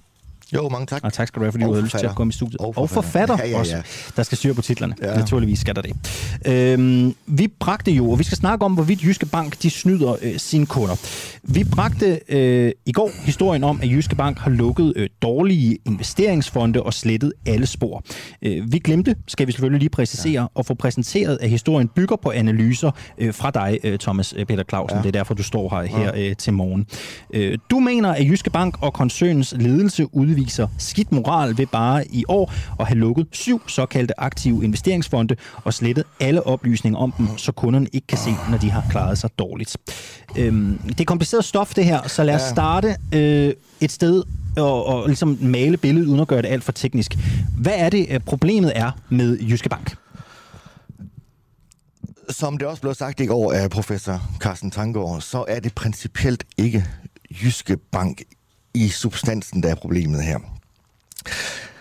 Det er normalt, det er lovligt, øh, og det er sket cirka 400 gange siden 1997, at banker, investeringsforeninger i Danmark, de lukker, begraver øh, investeringsfonde og dermed data og dermed også oplysninger om, hvordan banken, forvalteren, har gjort det i fortiden. Det er helt normalt. Øhm, der, hvor problemet jo opstår, det er på flere forskellige planer. For det første, i forhold til den enkelte kunde, når man sidder man helt konkret sidder derude i den her situation. Jeg er eksperten, jeg er rådgiveren i en filial, og du øh, har, lad os sige, 2 millioner kroner, du gerne vil have forvaltet. Så ligger der en brochure, og der er noget snak, og de her produkter, som så har gjort det rigtig, rigtig dårligt, lad os sige gennem 10, 15, 20 år, de fremgår ikke af den her, hvad skal vi sige, brosyres resultater, og heller ikke af den her rådgivers kommunikation, fordi hun er ikke forpligtet til at gøre kunden opmærksom på, at ja, der ligger den her åbne kasse af fonde, af produkter, se hvor godt vi har gjort det på dem her, men denne her kasse herover hvad skal jeg sige, hvor alle de døde, de ligger, der er de åbne, og så er de lukkede. De lukkede, dem kalder vi også døde. Og det er altså de investeringsprodukter, som er, er, er smidt på kirkegården med en gravsten, Øh, og med en gravskrift, som man jo selv kan øh, skrive. Men det er ikke en, som kunder har adgang til. Det vil sige, at man giver alt i alt et sminket billede af den virkelighed, som historien eller historikken også repræsenterer. Vi ved fra øh, praksis øh, i bankverdenen, at historikken, historien for, hvordan banker de gør det, det betyder utrolig meget i forhold til, om kunden vælger netop dig, eller dig, eller dig, til at forvalte sine penge. Så med andre ord, når man lægger alle de her fonde her i graven, så får Jyske Bank en klar konkurrencefordel i forhold til alle de andre. Men igen, de må gerne, de må gerne gøre det. Men er der andre, der gør det? Ja, det er der, men det helt særlige denne her gang... Hvem det, gør det ellers? Jamen, det gør de alle sammen. Altså alle banker? Over 20 år. Det gør alle, fordi det er forskningsmæssigt dokumenteret. Ikke bare selve, skal jeg sige, at alle gør det. Mm. At alle vil gøre det. Men også selve motivet bag er også dokumenteret. Og det er, at i langt, langt de fleste tilfælde, så er det fordi, at man er oppe imod et historisk resultat, som bliver ved med at håndte en. Altså, bliver ved med at forfølge en i konkrete forhandlingssituationer, i konkrete situationer, hvor sådan nogen som mig, eksperter, akademikere osv., osv. måler folk udefra, og tager de dem her ud. Så det gør alle. Som jeg sagde, der er cirka 400 fonde over 20-25 år, der er lukket. Det er da helt særligt ved det her, den her gang det er, at Jyske Bank har taget hele paletten af det, vi kalder klassiske investeringsprodukter for, øh, for almindelige investeringsmennesker. Og hvad betyder det? Jamen, det betyder, at det stinker. Altså, fordi der ligger ikke dels det, man kalder det kerneaktivklasserne. Kerneaktivklasser, som man bygger enhver formue op omkring for en dansk investor. Eksempelvis, nu kommer det bare, jeg skal ikke gå i detaljer her, men danske aktier. Har Jyske Bank, kan Jyske Bank tilbyde danske aktier i dag som, som Danmarks næststørste bank? Nej, det kan de ikke, for den er væk. Europæiske aktier, kan de tilbyde den? Nej, den er væk. USA-aktier? Nej. Globale aktier? Nej. Og så videre, så videre, så videre dernede af. Alle de her er erstattet af en eneste fond, altså på aktiedelen, som så er en global bæredygtig fond. Så man lukker alle de her, som har udgjort kernestrukturen i alle, og stadigvæk gør, også hos de andre banker, udgør kernestrukturen i investeringssammensætning. Det var simpelthen lukket. Med henvisning til, øh, altså dels nogle ting, at ah, vi kan spare lidt penge, men også, allevis skal det siges, de selv erkender, at der har været periodevis utilfredsstillende resultater, som det fremgår af øh, bestyrelsens oplæg til generalforsamlingen. Så, så jeg har taget hele den her palette her. Det er ikke noget, kunder de taber på nu og her, men, men først og fremmest så sker der altså det her med, at Jyske Bank på den måde her nu får en konkurrencefordel, fordi data forsvinder. Data forsvinder, og det betyder altså det helt simple tilfælde, hvis de, hvis de før denne her omlægning, eller før de begravede de her fonde, eksempelvis havde to fonde, en som gav plus 1%, og en anden gav minus 1%, med gennemsnit på 0, Ja, bare sådan helt simpelt. Mm. Altså to fonde, ikke? Så siger de så, ej, den er minus 1%. Måske vi kan overveje at, at lukke den, fordi så, altså, så, når vi så regner igen, så er gennemsnittet altså plus 1%. Nu, nu taler vi jo meget om, om, om, og vi er alligevel kommet ned i noget, der er lidt teknisk. Nu øh, sidder der jo mange, øh, mig selv inklusiv, og, og, og tænker, at vi skal have svar på et konkret spørgsmål. Ja. Øh, fusker Jyske Bank, snyder de deres kunder? Det er et grimt ord. Altså, ja, men snyder de deres kunder? Jeg, jeg, jeg, jeg, jeg har et, øh, et videnskabeligt opdrag. Altså, snyder de? Om de snyder? Ja, de snyder. Det gør de jo. I den forstand. Altså, men man er så skille her mellem snyd, sådan som det sådan udenbart fortolkes, altså som om, det, at der er noget lovmæssigt, halløjsa, der, der, der bliver øh, brudt her. Det er der ikke. Der men er, er det moralsk der, forkert? Der, der er snyd i moralsk forstand. Altså, i min verden er det er det moralsk forkert, eksempelvis, ikke at man lukker en fond, det skal alle jo have lov til at lukke, og, og, og, og lukke deres produkter. Det der problemet, det er, at informationen forsvinder, og dermed også, at transparensen omkring, at Jyske Bank faktisk har været, har været en af de absolut dårligste forvaltere i Danmark i mange år. Der burde ligge på deres hjemmeside. Hver gang en kunde kommer ind og siger, okay, jeg vil gerne have det her, så skulle der ligge en lille skuffe ved siden af. Her er det her, du bør, altså, mm. vi skal gøre opmærksom på det. Der er så mange andre ting, som man skal lovgivningsmæssigt gøre opmærksom på. Men hvis, hvis alle banker gør det her, øh, Thomas ja. Peter Clausen, du nævnte selv, at det er udbredt, og det gør alle banker. Ja. Har Jyske Bank et særligt ansvar? Altså har de været højere placeret på den moralske hest, end andre banker har været? Altså det her, det er så kun mellem os to. Ja, ja, selvfølgelig. Altså, ja. Ikke? Og så forventer jeg heller ikke, at der er andre, der... Nej. Altså, men, men altså, nu har jeg selv været nørd i bankverdenen i 15-20 år øh, op igennem nullerne og tierne. Og, øh, og øh, der er ingen tvivl om, altså, at der i bankindustrien i, i København-området, der er sådan lidt, altså delvis øh, misundelse, delvis irritation over, lad os sige, øh, de ledende mennesker på, direk- på, på direktionsgangene i Jyske Bank, fordi de har en meget moraliserende adfærd. Altså, nu siger jeg bare, som sagt, mellem os to, hvad der blev sagt ude, ude, ude, ude i byen, ikke? Altså, det, du ved, altså, øh, i de i de svære perioder, de sidste 10 år, for især mange af bankerne herovre i, i København-området, hvad enten det har været hvidvask, eller om det har været det ene eller det andet øh, spekulation, eller taget for høj rente i et produkt og omkostninger osv., osv. Jamen der, der, der har der været en tendens til, at der har været nogen på den anden side af, af Storbælt, som på en eller anden måde har været hurtigt inde og Altså Jyske Bank, det er, altså i min verden, det, det, det, det er bankverdens svar på, øh, på Christiansborgs radikale venstre. Så det, du siger til mig, er, ja. at når øh, der har været ild i lokummet i ja. de store banker, ja. Danske Bank, herovre. Nordea herover, ja. så har Anders Dam siddet over i Silkeborg nu i Jyske Bank. Nu, nu du sagde ikke nogen navne, men nu siger jeg et navn. Ja, så har, jeg, så har, Anders, så har Anders Dam siddet over ja. i Silkeborg ja. og reddet på den moralske hest I, og, øh, og, og peget fingre. Så har han sandsynligvis siddet og snakket med øh, meget, meget formodende mennesker rundt omkring i, øh, på, i, øh, på øh, værktøjsplads, eller hvad hedder det, øh, altså forskellige små øh, virksomheder. Og så er der lige kommet nogle forskellige anekdoter den her vej herover. Altså kritisk, ja. Nu, nu gentager jeg jo bare det, som ligesom er, er rygter. Ikke? Det er jo ikke nødvendigvis min egen holdning.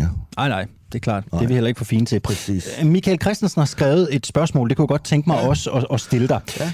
Hvorfor mener du, at man bør basere sine fremtidige investeringer ud fra øh, fortidens øh, resultater? Det han skriver er, at man bør investere i det, som man øh, tror øh, stiger fremadrettet, og ikke det, der steg sidste år. Ja. Altså måske bør Jyske Bank ikke slet historikken, ja. men forbrugeren bør vel heller ikke bruge historikken til at se ind i fremtiden. Nej. Men altså, øh, det, det er jo en helt øh, central øh, øh, pointe, Michael Christen der øh, fokuserer på, og, og, og jeg er sikker på, at øh, hvis jeg havde to timer eller ti timer, så kunne jeg stå her og snakke om det teoretiske bag ved det her. Men jeg tror, det som øh, Michael her, han, han antyder til, det er, at, hvad skal vi sige, te, øh, teorien eller videnskaben, den, den, den indikerer ikke, at der er så meget information øh, i fremtidens data, som, ligesom, som vi ligesom kan sige, okay, de er altså en god... Øhm, øh, øh, det siger noget om, om, om fremtiden.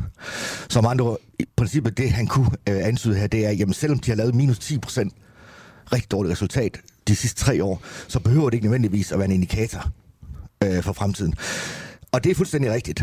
Øh, men det, som er sagen her, og, og, og der, hvor det moralske kommer ind, når vi har at gøre med survivorship bias, det er det, der hedder rent videnskabeligt, det her fænomen her med, at de her historiske data her, de kan blive øh, øh, skævvredet den ene eller anden vej øh, ved at tage, ved at tage øh, data ud, simpelthen. Det, her, det, som er problemet, det er, at vi ved, uagtet øh, hvad skal jeg sige, det, det videnskabelige fundament, så ved vi, at derude i den konkrete konkurrencesituation, hvad enten det er med den lille kunde, den mellemkunde, eller store kunde, eller den helt store kunde, så ved, så ved vi, at man sidder og kigger på historien øh, bagudrettet. Ergo som en slags, okay, det er ikke, det er ikke sikkert, at det, at det er det, der afgør, om Jyske Bank får lov at forvalte mine penge, men det er i høj grad med til det. Og, og, det, og så kan du sige, at jo mere professionel kunden er deroppe af, lad os sige det en med, med 100, eller, ja, okay, voldsomt, en med 1 milliard, mm-hmm. end, end det, de kalder en institutionel kunde, de vil muligvis ikke tillægge det så meget betydning, hvad det ikke i, i fortiden, men men vi ved, at den, den, den, den lille kunde derude med 1-2 millioner kroner, dem der er allerflest penge i, øh, og dem der er allerflest af, øh, de kigger på det der, det er derfor, der står besyre. Det er også derfor, man ser på tv, der ser der altså grafer. Ikke fremadrettet, men bagudrettet. Sådan har vi gjort det. Med den praksis, der praktiseres i Jyske Bank, mener du så, at man som kunde kan stole på, at de kan forvalte ens penge? Altså, ud fra deres moralske øh, habitus, men også ud fra deres, øh, altså ud fra deres forvaltning? Altså, øh, altså det, det, det, det, det, er et rigtig, rigtig, rigtig, rigtig, rigtig, rigtig godt svært, øh, rigtig svært spørgsmål. Som kræver et ja eller et nej, tænker ja, jeg. det ved jeg godt, fordi her kolliderer det med, med, hvad skal vi sige, med det, vi lige snakker om, det der med, om historien også er en indikator øh, for fremtiden. Altså, og der har jeg så min egen, skal vi sige, videnskabelige ting, og så er der så det andet med det moralske. Øhm, det, jeg, vil, jeg, jeg vil sige det sådan, som sagt, så er det noget, alle gør. Det, der er helt, helt særligt ved det her tilfælde, det er, det er omfanget af det, fordi det er, alle, det er kerneaktiv. Det lugter lidt af, at, øh, at, at, at motivet er særdeles drevet af, at, øh, at man gerne vil have de her produkter væk, så man får en fin ny øh, øh, rating-karakter. Øhm, hvorfor? Fordi det er meget, meget, meget store fonde i forvejen. Det er ikke bare sådan nogle små nogen, som man, som man kaster på mødingen, fordi at, at, at, at, kan sige, at, at gennemsnitsomkostningerne er alt for høje. Øhm, så det jeg vil sige, det er, at hvis du møder din Jyske Bank-repræsentant på det ene, andet eller tredje niveau, men specielt nede på niveauerne, så tal med dem om det her, og, og ligesom få deres ærlige vurdering, fordi det siger også noget om, jamen, hvor står, altså, den her rådgiver, jamen, øh, er, er du klar over i overhovedet, at, I, at, at de her produkter, de er bare væk fra jeres hjemmeside. De er væk fra Morningstar, de er væk fra, fra fondsbørsen. Øh, man kan jo heldig at finde lidt smule på Bloomberg, hvis man vil betale altså en formue for det. Så, så alle steder er data væk, og det betyder, at når vi så kommer efter her nu med den store lommelygt og skal måle resultater på Jyske Bank, absolut, men også relativt i forhold til konkurrenter, så står de rigtig, rigtig, rigtig godt og væsentligt bedre. Og den sidste point, jeg bare lige vil sige. Ja. 10 sekunder. Det er, at set fra Ja, nu bruger jeg det, det, det grimme ord igen, det må du også undskylde, men altså, altså sent fra forskningsmæssige øh, øh, øjne, eller videnskabelige øjne, så det, som der allerstørste fokus her på, det er jo selvfølgelig det, der jeg lige kaldte den der bias, fordi at når der sker det her med, at aktive fonde, som er dem, der ligesom har tendensen til at trække sig tilbage, fordi de har tabt på noget, der kunne være på grund af deres egen, egen indflydelse, ikke markedsindflydelse. Det er forskellen mellem aktiv og passiv. Men det der, det der sker, når der er den her systematiske tendens til, at de her de flyver ud, alle de dårlige, relativt dårlige øh, fonde flyver ud, jamen så ser hele industrien aktiv, lad os sige, på, på, på danske aktier. Altså hvis der sidste 10 år, den dårligste den, den, den, den, den dårligste fond på, på aktiv danske aktiefond i Danmark, det behøver ikke, det behøver ikke være Jyske Bank. Det kunne også være det ene mm. år, kunne det være mm. det ene, og det andet, tredje og fjerde. Hvis, hvis I står ud hver eneste år, og der kommer en ny frisk ind, uden historik, jamen så sker der jo bare det, at, at at det er et sminket billede af, hvor godt det egentlig er gået på aktive fonde, og det betyder eller på den aktive industri, og det har enormt stor betydning i hele debatten øh, og hele presset på banksektoren til den her omlægning. Øh, jeg kalder det, altså, altså det er ligesom den grønne omstilling. Så, så har vi også en indeksomstilling, og den er på vej, men den er bare er langt bagud i Danmark i forhold til udlandet, fordi der har været enormt stærke lobbyinteresser. Så er den blevet forhalet. Og en af dem, uden jeg, uden jeg har forsket videre i det, og, eller andre har gjort det, så er det det her med, at, at medier måske har set de aktive fonde som forholdsvis gode, eller de aktive forvaltere har været, har været rigtig gode til at sige, at det går egentlig fint nok, fordi man har trukket de her ud her løbende. Så, så sådan et nummer, som Jyske Bank laver med de her syv fonde, som inden for hver kategori er med til at løfte gennemsnitsafkastet op inden for aktivfondindustrien. Det betyder sådan set, at hele den her omstilling der bliver sat tilbage på en kunstig vis, på en, på en sminket vis. Hvis alle banker gør det her, Jyske Bank så, øh, siger du, har et særligt problem, øh, også fordi omfanget af det, de gør, men også den, den moralske høje hest, som, som Dam sidder på i Silkeborg. Det sagde jeg ikke. Nej, det, det, det kan godt være, det var mig, der, der sagde, men du, du kæmpede heller ikke imod, kan man sige. Hvordan, hvordan kan jeg som helt almindelig øh, bankkunde, hvordan kan jeg stole på, øh, på min bank? Altså, det lyder jo som et det, det, det lyder jo sindssygt moralsk fordækt. Kan du, kan du forestille kan, kan du se et billede for dig, at der ligger en bankmand, og så med en stor trumle øh, kørt hen over sig? Altså, han ligger fuldstændig flad nu. Det er sådan set situationen øh, for... Altså, tror ikke, der er så mange bankfolk, der vil være uenige med mig i, at de sidste 10 år, den, den, øh, den re-regulering, voldsomme altså optrapning af regulering af lov, krav, bekendtgørelser og alt muligt andet til, til stort set hver eneste medarbejder, altså på alle niveauer i bankerne. Det, det, det, det er voldsomt. Og så kan du så spørge til det, jamen kan, og så spørger du ind til det, ikke? altså på baggrund af det, altså øh, øh, kan, kan, du kunne egentlig også sige, jamen kan jeg stadigvæk ikke stole? Altså på trods af af den her ekstreme lovgivning, altså der er rullet ud, ikke? kan jeg stadigvæk ikke stole øh, på, øh, på bankerne. Og det, det, det er jo et rigtig, rigtig, rigtig godt spørgsmål, ikke? Altså, øh, det, det, er jo, det er jo rigtig, altså, det, det er jo, det der er ved det, det er, at, at sådan nogle ting der, det med at stole på, det afhænger helt præcis af, hvem du er. Problematikken er lidt, og det er ikke noget, der decideret ligger hardcore statistiske tal på, men det er sådan lidt, der, lidt, der, lidt det, der er, er intuitionen i industrien. Ikke? Det, det er jo, at, at at de høje omkostninger, de flyder derhen, hvor kunden har, hvad skal jeg sige, hvor, hvor kunden er, er mest finansielt finansiel forudsætningsløs.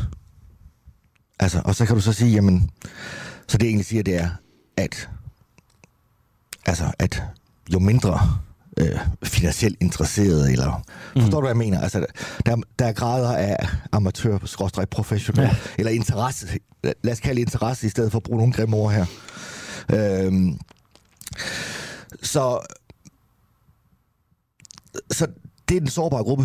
Altså, det er, det er de finansielt forudsætningsløse. Det er den sårbare gruppe, men det er også den gruppe, som bliver udnyttet mest. Og det gælder på alle niveauer. Uanset om det er helt nede på herr Jensen øh, med 15.000, eller om det er 100.000 kroner, kroner, eller om det er ham der med 100 millioner, der har solgt sin virksomhed, men inden for øh, træsko. Men han har ikke klap forstand på, på øh, investeringsmarkedet. Så overlader han de 100 millioner til, lad os sige, lad os lade være med at bruge Jyske Bank den her gang, lad os sige når Nordea, til, så, så beder han Nordea Private Banking om at få alle de her 100 millioner. Det er ikke svært for Nordea i den her situation at lave en, en løsning, som kunne være en, lad os bare sige, uden at komme i klemme her, noget dyrere end den løsning, de vil lave for ham, hvis jeg kom ind eksempelvis med 100 millioner. Det her, det er, en, øh, det her det er en, en fascinerende verden. Vi har været omkring 20 minutter nu. Tusind tak skal du have, fordi ja, du havde lyst til at øh, gøre os øh, klogere. Så lød ordene altså fra øh, min gæst, det er Thomas Peter Clausen, som er tidligere lektor på CBS, CEO for Ubanking, anpartsselskaber, så er han altså også forfatter. Du lytter lige nu til en uafhængig morgen. Kritisk, nysgerrig og levende radio, som politikerne ikke kan lukke. Vi sender live alle hverdage fra klokken 7 til 9. Lyt med via vores app på DK4 DAB, fra vores Facebook-side, eller hvis du bor i hovedstadsområdet på FM-båndet 102,9. Tak til dig, som gør det muligt.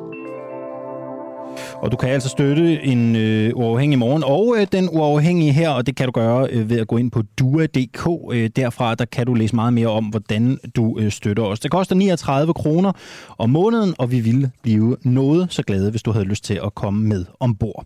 Klokken den er 22 minutter over 8, og hvis du er en af dem, der har tordnet mod Jesdorf Petersen, og øh, ikke har lyst til på nogen måde at høre, hvad manden har på hjerte, øh, en af dem på øh, Twitter, øh, på Facebook, alle mulige andre steder har skrevet, at han burde ikke komme til ord, så skal du slukke din radio nu.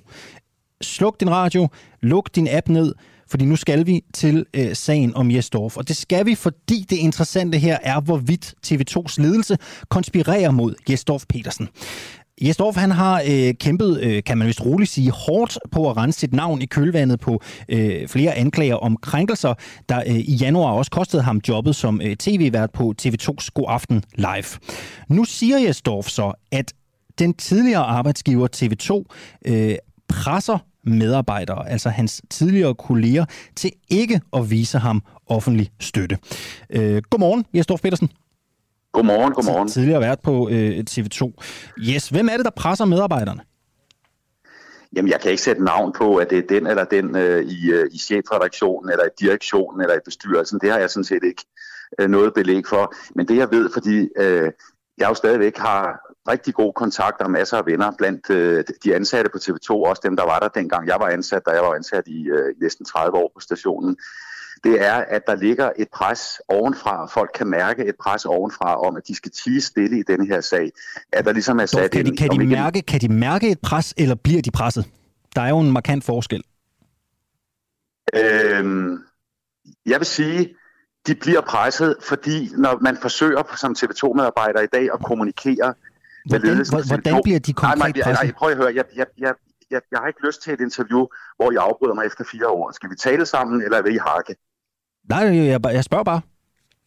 Ja, du spørger, men hver gang jeg er i gang med at svare, så, så hakker du mig af.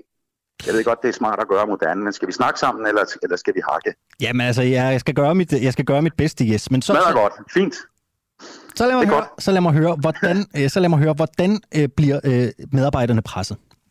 De kan mærke i deres dagligdag, og når man har forsøgt at få om så må sige, dialog og kommunikation med ledelsen på TV2 om, hvad det er, der er foregået i den her meget, meget voldsomme proces gennem de seneste snart år, så er der et, øh, en, øh, en tydelig dagsorden om, at det her, det skal vi ikke tale om, det bliver ordnet ovenfra, og man, får, man kan ikke få svar på spørgsmål, og at det er, om jeg så må sige, blevet øh, hverdagen, det er blevet normen på TV2, at man taler ikke om det her, og man støtter øh, ledelsen i, at øh, det, der er foregået gennem det seneste år, det er den rigtige måde at gøre det på. Og der er mange medarbejdere på TV2, som gerne vil have flere svar, som synes, det er forkert, det der er foregået. De synes, det er brutalt. De synes, det er pointeløst, og de har svært ved at, øh, de, de, de, de er ikke glade for at stå frem. Det er jo ikke noget, der kommer i en mail fra en ledelse, det her, men det er jo simpelthen en fornemmelse af, at man kan mærke, hvordan hvad kan man sige, stemningen er på en øh, arbejdsplads. Men er der nogen, kender du til medarbejdere på TV2, som gerne har ville støtte dig, men som ordret har fået at vide, det skal du ikke gøre? Jeg kender til medarbejdere, som meget, meget gerne vil støtte mig. Ikke kun offentligt ved at gå ud til, til Ekstrabladet eller BT eller fortælle til jeres radiostation, at de støtter mig. Men de vil gerne også internt øh, støtte, at, øh, eller stå bag, at de er i tvivl om, det er rigtigt, det der er foregået. Og der kan de mærke, at det pres, der kommer ovenfra, det gør, at de lader være, at de er bange for deres karriere, de er bange for deres, øh, ja, for deres ansættelse, og derfor så, så vælger de at tige stille. Men kan de, kan, altså, kan de mærke det, eller er der nogen, der siger til dem, I må ikke gå ud og støtte, eller, eller på en eller anden, anden måde vise opbakning til Jesdorf? Bliver det sagt, bliver det i talsat konkret? Nej, det gør det naturligvis ikke. Det, vil, det, det er der ingen ledelse, der vil gøre. Altså, det, det, det er klart, det gør der ikke. Men de medarbejdere, jeg taler med, og der må du tage mig for pålydende, de medarbejdere, jeg taler med på TV2, og det er ret mange, de siger, at de kan mærke på den øh, kommunikation, eller retter mangel på samme, at de skal ikke blande sig i det her. De skal i hvert fald ikke tage det modsatte standpunkt af det, direktionen har gjort, fordi så er der risiko for, så føler de sig ikke sikre i deres ansættelse. Og det er jo sådan nogle, nogle stemninger, vi alle sammen kender fra en arbejdsplads og nogle fornemmelser. Men naturligvis er der ikke udgået mails fra direktionen om, at man ikke må støtte mig, det er klart. Men så er der vel ikke noget konkret dokumentation for, at der ligger et pres på medarbejderne? Så er det vel bare en sansning? Jeg, jeg, jeg har overhovedet ikke sagt, at jeg har nogen konkret dokumentation eller noget som helst liggende. Jeg har bare sagt, at når jeg taler med de mennesker, der er ansat på TV2, mm. som har deres hverdag derovre, og kommer der mandag til fredag, eller hvornår de nu arbejder, så kan de mærke, at det her, det skal man altså ikke, der skal man ikke gå den anden vej. Man, skal, man, skal, det, man har det bedst ved at tige stille. Men, men, men yes, du beskylder jo TV2 for at presse medarbejderne, men, men der, der er vel ikke noget reelt pres andet, end der er nogen, der, der kan føle noget? Altså, der er vel ikke nogen konkret dokumentation for, at der er et pres? Nej, det som det, sagt har jeg ikke nogen Nej, jeg, jeg, jeg, jeg har ikke nogen konkret dokumentation, jeg kan lægge frem, men jeg kan jo bare referere til det, jeg taler med mine tidligere kolleger om. Og når de siger til mig, at de kan mærke, at presset ovenfra gør, at de skal tige stille, så er det jo det, øh, som jeg refererer til. Det tænker jeg, det skulle da en, det skulle da en dårlig historie, de har begået så. Altså, at der er et pres, hvis det er baseret på synsning og noget, nogen føler. Det, det, er, jo, det er jo svært at drible videre med, tænker jeg. Jeg, ved, jeg, jeg kan godt forstå, hvor du vil hen. Men der, det, det, er jo, det, det er simpelthen et faktum, når man taler med mennesker på TV2 i dag, at de siger, at den stemning, der er, de er jo for eksempel også forundret over, at efter man har sat den her meget voldsomme proces i gang sidste efterår, eller i, øh, altså i, i, i de sidste måneder af 2020, så sker der det, at efter processen er sat i gang, og efter det kommer frem, hvad der har været af, af, af, af hvad hedder det, afgørelser af de her sanktioner, der har været mod mig og nogle andre, så har folk ikke fået noget som helst at vide om kulturundersøgelsen. Altså, der kommer ikke nogen kommunikation. De har en meget lukket ledelse, som ikke vil kommunikere det her. Og de folk, jeg kender, der har skrevet til ledelsen, det er der nogle få, der har gjort og sagt, kan vi godt få lidt mere at vide om, hvad det er for en proces, jeg har sat i gang, og hvorfor sanktionerne skulle være så hårde. De får et indlignende svar om, at vi har modtaget din mail, hvis jeg har set, hvad du har skrevet, og så øh, bliver der bare skrevet, at vi behandler sagen øh, og ser den fra alle vinkler. Venlig hilsen. Altså, der er ikke nogen reel kommunikation mellem direktionen på TV2 i dag og medarbejderne om alt det her der blev sat i gang sidste efterår. Hvem på TV2 siger, at, øh, at der er sådan en, en presset stemning, eller det her ikke er noget, man taler om, eller, eller det ikke er noget, man, øh, man, man kan gå ud og forsvare? Hvem, hvem på TV2 har du talt med? Jeg har talt med adskillige af mine gamle kolleger, og jeg har jo af naturlige grunde rigtig mange både venner og tidligere kolleger over på TV2, eftersom jeg har været på den station i mange, mange år. Og det er dem, der siger det til mig. Men nu er jeg jo stadigvæk journalist, og jeg er jo ikke den, der udleverer mine kilder, så jeg kan jo ikke sidde her i jeres radio og sige, at det er ham og ham og hende og hende. Men jeg kan love jer, at det er rigtigt, det jeg siger. Det er ikke bare noget, jeg finder på. Men der er en stemning. Må jeg, jeg godt lige tælle ud? Jamen, jeg har... jamen lad mig lige, altså yes, det, det, er jo, det er jo okay. svært, ikke? Fordi hvordan, hvordan dribler vi videre med den her? Ikke? Fordi altså, du, du, du kommer jo øh, med den her udmelding, øh, øh, ja. og det er noget, vi tager op, og, og det vil man jo gerne gå videre med. Altså, hvordan skal vi komme ja. videre, hvis der ikke er nogen øh, konkrete, vi kan, vi kan tale med? Jamen, jeg har da ikke ansvar for, hvordan I skal komme videre med jeres historier. Jeg fortæller, hvad jeg taler med folk om, og hvordan I så behandler den, øh, efterbehandler den på jeres mm. radiostation. Det skal jeg jo ikke stå på mål for. Hvor mange har du talt med på TV2? Hvor mange siger, at der er et problem med at vise dig øh, offentlig støtte? Jeg vil sige, i omegnen af en... Øh, 5-10 stykker, jeg har talt med, plus at de refererer deres andre kolleger. Altså, de, folk, folk, altså, det kender I, når man snakker med kolleger på en arbejdsplads, så siger de, i vores afdeling, der, der er der den og den frygt eller den og den stemning. Og jeg kan bare mærke, at det, det er en ting, som endda er blevet bekræftet af, af, af nyhedschefen Jakob Korn, der på et tidspunkt øh, i en debat om MeToo siger, at TV2's redaktion i dag er splittet i to dele. Dem, der synes, det er rigtigt, det der er sket, og dem, der synes, det er forkert. Så der er ingen tvivl om, at der er en stor splittelse på TV2 lige nu, hvor der er nogen, der synes, at det er godt, det der er blevet gennemført, og så er der rigtig mange, der synes, det er modsatte. Og sådan, øh, og sådan mærker jeg det også, når jeg taler med folk. Du øh, siger jo også, at du har fået masser af støtte, øh, blandt andet i, i private øh, beskeder. Øh, hvad siger folk? Jamen, de siger faktisk det, som, som, øh, som jeg også fortæller jer, det er, at de er enormt kede af det, der er sket. De kan ikke se pointen i, at man er gået ud med buller og brag om en eller anden form for, øh, for skanretteligt, som har øh, skudt nogle både tidligere og nuværende medarbejdere ud, uden at man rigtig har fået at vide bagefter, hvorfor. Det, der jo sker, da, den her, da hele den her proces bliver sat i gang, er, at TV2's direktion siger, de vil lave en kulturanalyse, en kulturundersøgelse af, hvordan forholdene måtte have været i fortiden. Så sætter de, de den i gang med den her store anmeldelsesordning. Så bliver der nogle medarbejdere, både nogle, der var ansat på TV2, og mig, der ikke engang var ansat på TV2. Vi får nogle meget øh, hårde sanktioner, og så ryger vi mm. ud, og derefter har der ikke været nogen kommunikation fra ledelsen. Det er jo også interessant, at man ligesom farer frem med meget, meget store øh, løfter om, at nu skal der vises handlekraft, og når så man har gennemført nogle, øh, nogle fyringer, nogle afskedigelser, i mit tilfælde en udelukkelse fra at være vært på TV2, så er der helt stille. I skal også lægge mærke til, at der er masser af medier, der har prøvet at kontakte TV2's direktion om de her ting igennem måneder, men der er ikke nogen, der svarer. Man får et mailsvar, hvis I for eksempel skal gå videre med historien, og spørge direktionen, hvad er op og ned i det her? Hvad siger I til jeres beskyldninger? Mm. Så får I ikke noget svar. I får en mail Nej, tilbage. Men derfor prøver jeg jo at spørge dig, om du vil sætte navn ja. på nogle af dem, som har øh, ønsket øh, at, at stille sig op og, og støtte dig, eller dem, som synes, at håndteringen af sagen på TV2 er ringe. Men det vil du jo heller ikke dele øh, øh, med os. Nej, jeg vil, naturligvis vil jeg ikke dele det med jer, for du skal jo vente om at sige, når en gammel kollega, en gammel ven siger til mig, at jeg ikke vil stå frem med det og det, så skal jeg jo ikke sidde i radioen bagefter og sige, at det er ham og ham, der ikke vil gøre det, eller hende. Altså, det, det vil jeg jo god grund ikke gøre. Sådan er det. Det, det, det, må folk selv gøre. Jeg respekterer 100% de mennesker, der siger, vi står bag dig, yes, vi synes, det, det, det er skidt, det der er sket, vi kan ikke forstå det, men, men, men ja, min ansættelse eller min frygt for min karriere gør, at jeg ikke rigtig tør at stå frem med det her. Er så vil jeg jo ikke fremtrædende sige, at... personer på TV2, værter, ledere, som gerne vil ud og øh, støtte op om det? Hvorfor er det sjovt? Det er meget godt spurgt. Den skal du have. Nej, jeg, jamen, jeg synes, det er sjovt. Nej, nej jeg, jeg, jeg smiler. Jeg vil sige det sådan.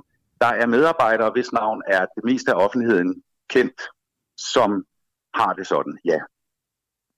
Værter på TV2? Øh, folk, der optræder i fjernsynet. Okay. Øh, en, der har været ude og, og sagt, at øh, han ikke kunne genkende det billede, der er blevet tegnet af dig, er Rasmus Tandholt. Er Rasmus Tandholt en af dem, som gerne vil ud og bakke op om dig? Det vil jeg spørge Rasmus Tandholt om. for igen af respekt for de mennesker, øh, som siger det her, så skal de selv vælge at stå frem med det. Der skal jeg ikke udlevere navne. Mm. Okay, Dorf, men, du har ret, du har, men, men, men du har fuldstændig ret i, at Rasmus har været ude at sige, at han synes, mm. det her det er skævt. Det er Michael Kamper også, for eksempel. Ja. Dorf, hvad øh, man kan sige, når man, mange mennesker, når de har været igennem sådan en tur, som, som du har været igennem, så siger de, ved du hvad, jeg går skulle lige flyverskjul i et stykke tid, og så øh, dukker jeg jo nok op øh, på overfladen på et eller andet andet tidspunkt. Du, du har været ja. meget, øh, du har været meget intens i, din, øh, i, dit, i dit forsvar. Øh, du har stillet op til, til samtlige interviews. Du stiller også op hos, hos mig i dag, hvor vi også tester din, din, din, øh, din, din, din, din argumentation af. Øh, Dorf, hvad du gerne vil have ud af det her? Vil du tilbage på TV2? Nej, jeg skal ikke tilbage på TV2. Det her, det er en, en, en, øh, en hvad kan man sige, det er en proces, som ikke kan rulles tilbage. Jeg er færdig med TV2. Jeg kommer aldrig på skærmen øh, på TV2 øh, igen. Det har Lotte Lindegård, deres programdirektør, også udtalt, at jeg har fået livstidskarantæne. Og det er fint nok, og jeg skal heller ikke tilbage på TV2, for det er klart, at det ægteskab, det, øh, det findes ikke mere. Og det tror jeg er en fuldstændig gensidig øh, fornemmelse af, af, af, af det her. Jeg skal aldrig mere tilbage på TV2. Jeg har jo heller ikke på nogen måde beklikket TV2's ledelsesret til at, at, at sige, at de ikke vil have mig som vært. Det, har, det, det, det må de gerne, ligesom Kasper Julemand selv vælger, hvem der skal spille på hans fodboldhold. Det, jeg har beklikket, det er argumentationen for det og grunden til det, nemlig en stempling af mig som krænker. Og hvor problemet jo er, eller hvad kan man sige, virkeligheden er, at det er der ingen dokumentation for, det er ikke bevist. Og, øh, og jeg ved også, og det er der mange, der ved, at det simpelthen er en forkert beskyldning mod mig. Og det er det, jeg kæmper mod. Så vil jeg også lige sige, det er rigtigt, jeg er stået frem, og jeg har været en af, måske den første af de, øh, ikke dømte, men altså de, de store navne, der har været fremme som, som ramt af MeToo, der har svaret tilbage og lagt min sag frem. Men faktisk har jeg i mange måneder overhovedet ikke øh, sagt ja til interviews. Der er sådan set holdt mig tilbage. Nu er jeg så, om jeg så må sige, gået lidt frem igen i den, i den sidste tid, men, men i, i, i meget lange perioder, der, øh, der holdt jeg mig altså under radaren. Sagde Estorf Petersen, der er tidligere vært på TV2. Tak skal du have, fordi du havde lyst til at stille op og snakke med mig her til morgen. I lige måde. Godmorgen, godmorgen. Interessant. Øh, fremtrædende mennesker, som optræder på skærmen på TV2, vil gerne ud offentligt og støtte øh, Jesdorf Petersen, men føler sig altså presset. Det kan være, at vi går videre med den. Det gør vi jo, øh, det gør vi jo helt sikkert. Nu skal det handle om Loyal to Familia, fordi de er endegyldigt blevet forbudt. Det blev onsdag slået fat i højesteret slået fast i højesteret, hedder det naturligvis. Spørgsmålet er jo så, om det kommer til at betyde, at der kommer mindre kriminalitet. Vi skal have en politisk øh, reaktion på øh, gårdsdagens øh, hændelse. Det skal vi lige om øh, lidt.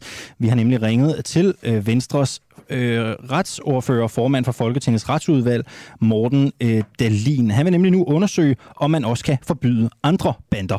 Godmorgen, Morten Dalin. Godmorgen. Bliver der begået mindre kriminalitet i Danmark i dag, tror du, end der gjorde før forbuddet? Jeg tror i hvert fald, at der øh, bliver brudt op på nogle af de fødekæder ind til en kriminel bande, som LTF vi, øh, vi så før. Altså, der er jo ingen tvivl om, at de her bander, som LTF, meget aktivt har brugt altså LTF-symbolet med logoer på huer, hættetrøjer osv., som et statussymbol og dermed som et redskab til at rekruttere unge til, øh, til banderne. Og det er helt klart blevet sværere. Og når det er blevet sværere at rekruttere nye bandemedlemmer, ja, så vil der nok også blive begået mindre øh, kriminalitet. Så jeg min vurdering er, at det har en øh, effekt i forhold til niveauet af kriminalitet. Stopper bandekriminalitet, øh, hvis man forbyder bander? Nej. Men hvad, hvad gør... Hvad, hvad, altså, hvad, som, hvad skal meningen så være med det? Jeg tror, det gør det sværere, og det stikker øh, banderne, og dermed fører til mindre bandekriminalitet. Men det vil også være himmelråbende naivt, hvis jeg stod her og prøvede at bilde nogen ind, at øh, der ikke vil være bandekriminalitet, øh, fordi man har forbudt LTF, eller hvis det nu på et tidspunkt lykkes at få forbudt nogle andre også, så vil der stadigvæk være organiseret kriminalitet. Ja. Men vi vil gøre det sværere at være organiseret kriminel, og der vil formentlig blive begået øh, mindre af det. Men, men helt at fjerne det, det, det vil være løgn. Ja, ja, og rigtig mange politikere har jo været ude i går, da den her øh, dom blev afsagt, og sagt, hvor er det fantastisk, Loyal to Familia er, øh, er forbudte nu, de kan ikke forsamles på samme måde mere. Øh, mm, hvad baserer I egentlig på, at, at, at, at, der, at der, der vil komme mindre kriminalitet ved at, ved at forbyde de her bander? Hvad, hvad baserer I det på? Jamen, politiet vurderer jo eksempelvis selv, at det er et meget nyttigt redskab for dem Og hvis der er nogen, der ved, hvordan man bekæmper kriminalitet her i landet, så er det vel, øh, så er det vel politiet. Så altså det, at politiet går ud og siger, at det er et nyttigt redskab, det er en ting. Øh, jeg blandt andet baserer det på, jeg skal jo ikke kunne tale for alle de andre. Øh, og så ved vi jo også bare fra den forskning, der er på det her område, at noget af det mest effektive, man skal gøre for at forhindre det her, det er at stoppe fødekæden, altså forhindre, at lillebror-generationen kommer ind i de her øh, bander. Og der er det med at fjerne statussymbol, som bliver brugt, det er et meget effektivt øh, redskab. Bare for at være helt ærlig, altså mange af de her LTF'ere, øh, de er jo så hårdkogte kriminelle, at de er uden for pædagogisk række. Den kan vi aldrig nogensinde nå. Og der må løsningen bare være at smide minden, altså spærre minden og smide, smide nøglen væk. Men vi kan godt forhindre øh, fremtidige LTF'ere i at, øh, i at blive det. Øh, så det er blandt andet noget af det, som, som jeg har baseret på, og jeg synes, det var en, en god dag i går. Hvem er de næste, der skal forbydes? Ja, det tror jeg, øh, jeg vil dumme mig, hvis jeg, hvis jeg udtaler mig op. Altså, vi har jo opfordret justitsministeren nu til, sammen med anklagemyndigheden, til at sætte sig ned og kigge på, om der er nogle grupperinger i Danmark, som de vurderer kun virker ved, øh, ved vold. Og hvis der er det, så synes jeg, man skal forsøge at bruge den her dom øh, til at, øh, at gå videre og også øh, få forbudt nogle andre. Men jeg tror, jeg vil... Kan du nævne, kan du nævne en gruppe, hvor du tænker, dem kunne jeg sgu også godt tænke mig at få forbudt? Ved du, der er mange af de kriminelle grupperinger, som jeg vil ønske ikke eksisterede. Øh, det er der ingen tvivl om. Hvilke? Men jeg, jeg tror, det vil, jeg synes, at det er ærgerligt, at vi har rockerbander i Danmark, for eksempel. Jeg synes, det er ærgerligt, at vi har øh, indvandrerbander øh, i Danmark. Men det ville være dejligt, hvis det ikke eksisterede, hvis der ikke var noget Hells Angels eller Skal det forbydes så? Skal, skal, der, skal Hells Angels forbydes? Altså, jeg tror, jeg vender tilbage til det, jeg sagde før at sige. Jeg kommer ikke til nu i det her interview med dig at sætte navn på, øh, hvilke øh, grupperinger jeg synes, man skal forbyde. Vi har sagt til justitsministeren, nu skal han sætte sig ned sammen med anklagemyndighed, og så skal de have en drøftelse af, om de ser, at der er nogle grupperinger, hvor de mener, at sagen ville kunne holde ved retten. Og der har den her dom jo selvfølgelig ændret spillereglerne, fordi vi nu øh, for første gang har fået opløst øh, en sådan øh, kriminel øh, gruppering, øh, i, øh, i retten, og derfor er der selvfølgelig nogle nye, nogle nye spillebrikker at rykke rundt på nu. Det forventer vi, at ministeren han, øh, han tager alvorligt. Det sagde Morten Dalin, der altså er formand for Folketingets retsudvalg og sidder i Folketinget for Venstre. Tak skal du have, fordi du havde lyst til at være med her til morgen. Selv tak, og god arbejdsløst. Åh, oh, tak skal du have. Øh, nu skal vi spørge, hvad der egentlig sker med de danske børn i Syrien, mens de venter på at komme hjem. Det skal vi her, hvor klokken den er 19 minutter i øh, uh, 9. Vi skal tale med Natasha Reh, som er stifter og talsmand for Repatriate the Children uh, Danmark. Hende har vi, uh, hende har vi igennem lige om, uh, om et par uh, minutter.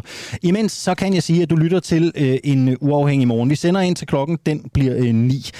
Vi er udelukkende drevet af de penge, I sender vores vej. Der er ikke mange lønkroner i kassen. Det kan vi vist alle sammen skrive under på, os der står her. Er det ikke rigtigt, øh, Peter? Bare ikke. Ja, lige præcis. Øh, vi kan kun fortsætte vores rejse, hvis vi får jeres opbakning. Sidder du derude og kan undvære 39 kroner om måneden til os her på Den Uafhængige, så vil vi blive åh så glade. Øh, gå ind på dua.dk, duah.dk. Her kan du læse, hvordan du kan øh, støtte projektet. Det koster som sagt 39 kroner om måneden. Hvis du ikke har 39 kroner om måneden og stadig sidder og lytter med, så skal du altså ikke føle dig forpligtet til noget som helst, så er det helt okay. Du er hjertens velkommen til at lytte med. Det her det er kritisk journalistik for alle, rig øh, som fattig, gul som blå. Alle er øh, velkomne her. Regeringen de sagde i maj, at øh, den ville tage 14 danske børn hjem fra syriske fangelejre. Fire måneder senere, så sidder de der jo stadigvæk. Regeringen har endnu ikke løftet sløret for, hvornår de kommer hjem. Øh, godmorgen, øh, Natasha Reh. Ja, Dams, godmorgen. Du er stifter og talsmand for Repatriate the Children Danmark, og så er du i ugenlig kontakt øh, med de her mødre også. Øh, prøv at fortælle os, hvilke konsekvenser har det for børnene, at den her proces den trækker i langdrag?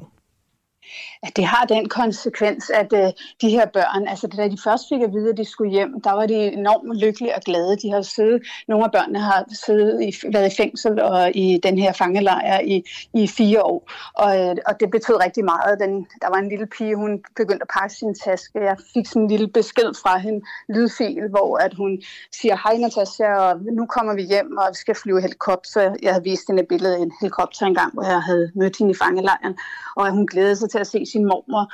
Og øh, de, de beskeder, jeg får fra dem nu, øh, også via deres familie, og når jeg er i kontakt med dem, det er, at de er enormt bange for, hvad skal der ske med dem? Bliver de skilt ad fra deres møder? Øh, skal de være sammen med deres familie?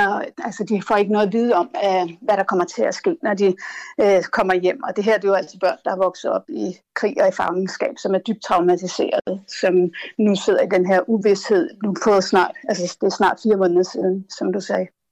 Er deres situation blevet forværret siden af maj? Altså, den er ikke, altså, man kan sige, at forholdene i fangelejrene er jo forfærdelige, og det har de været hele tiden. Altså, det er umenneskelige forhold, de lever under.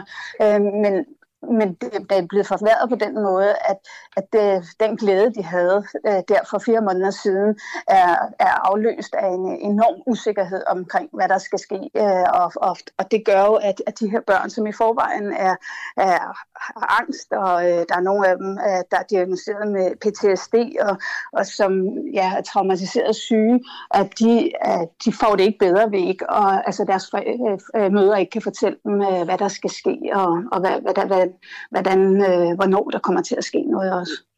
Du nævnte, du fik den her, øh, den her video fra, fra, fra, en, fra en lille pige. En lydfil. En lydfil, undskyld, ja. en lydfil. Ja. Ræ, prøv at fortælle mig, når du, når du er i kontakt med mødrene, hvad er det, de siger til dig? Jamen, altså det de siger, det er, at, øh, at de er selvfølgelig glade for, at øh, de nu skal øh, væk fra de her fangelejre, og at de, de kommer hjem, men at de er enormt bekymrede for, hvad der skal ske med deres børn, og øh, de øh, er bange for, øh, om deres børn kan klare det, hvis de bliver, bliver skilt ad fra deres møder.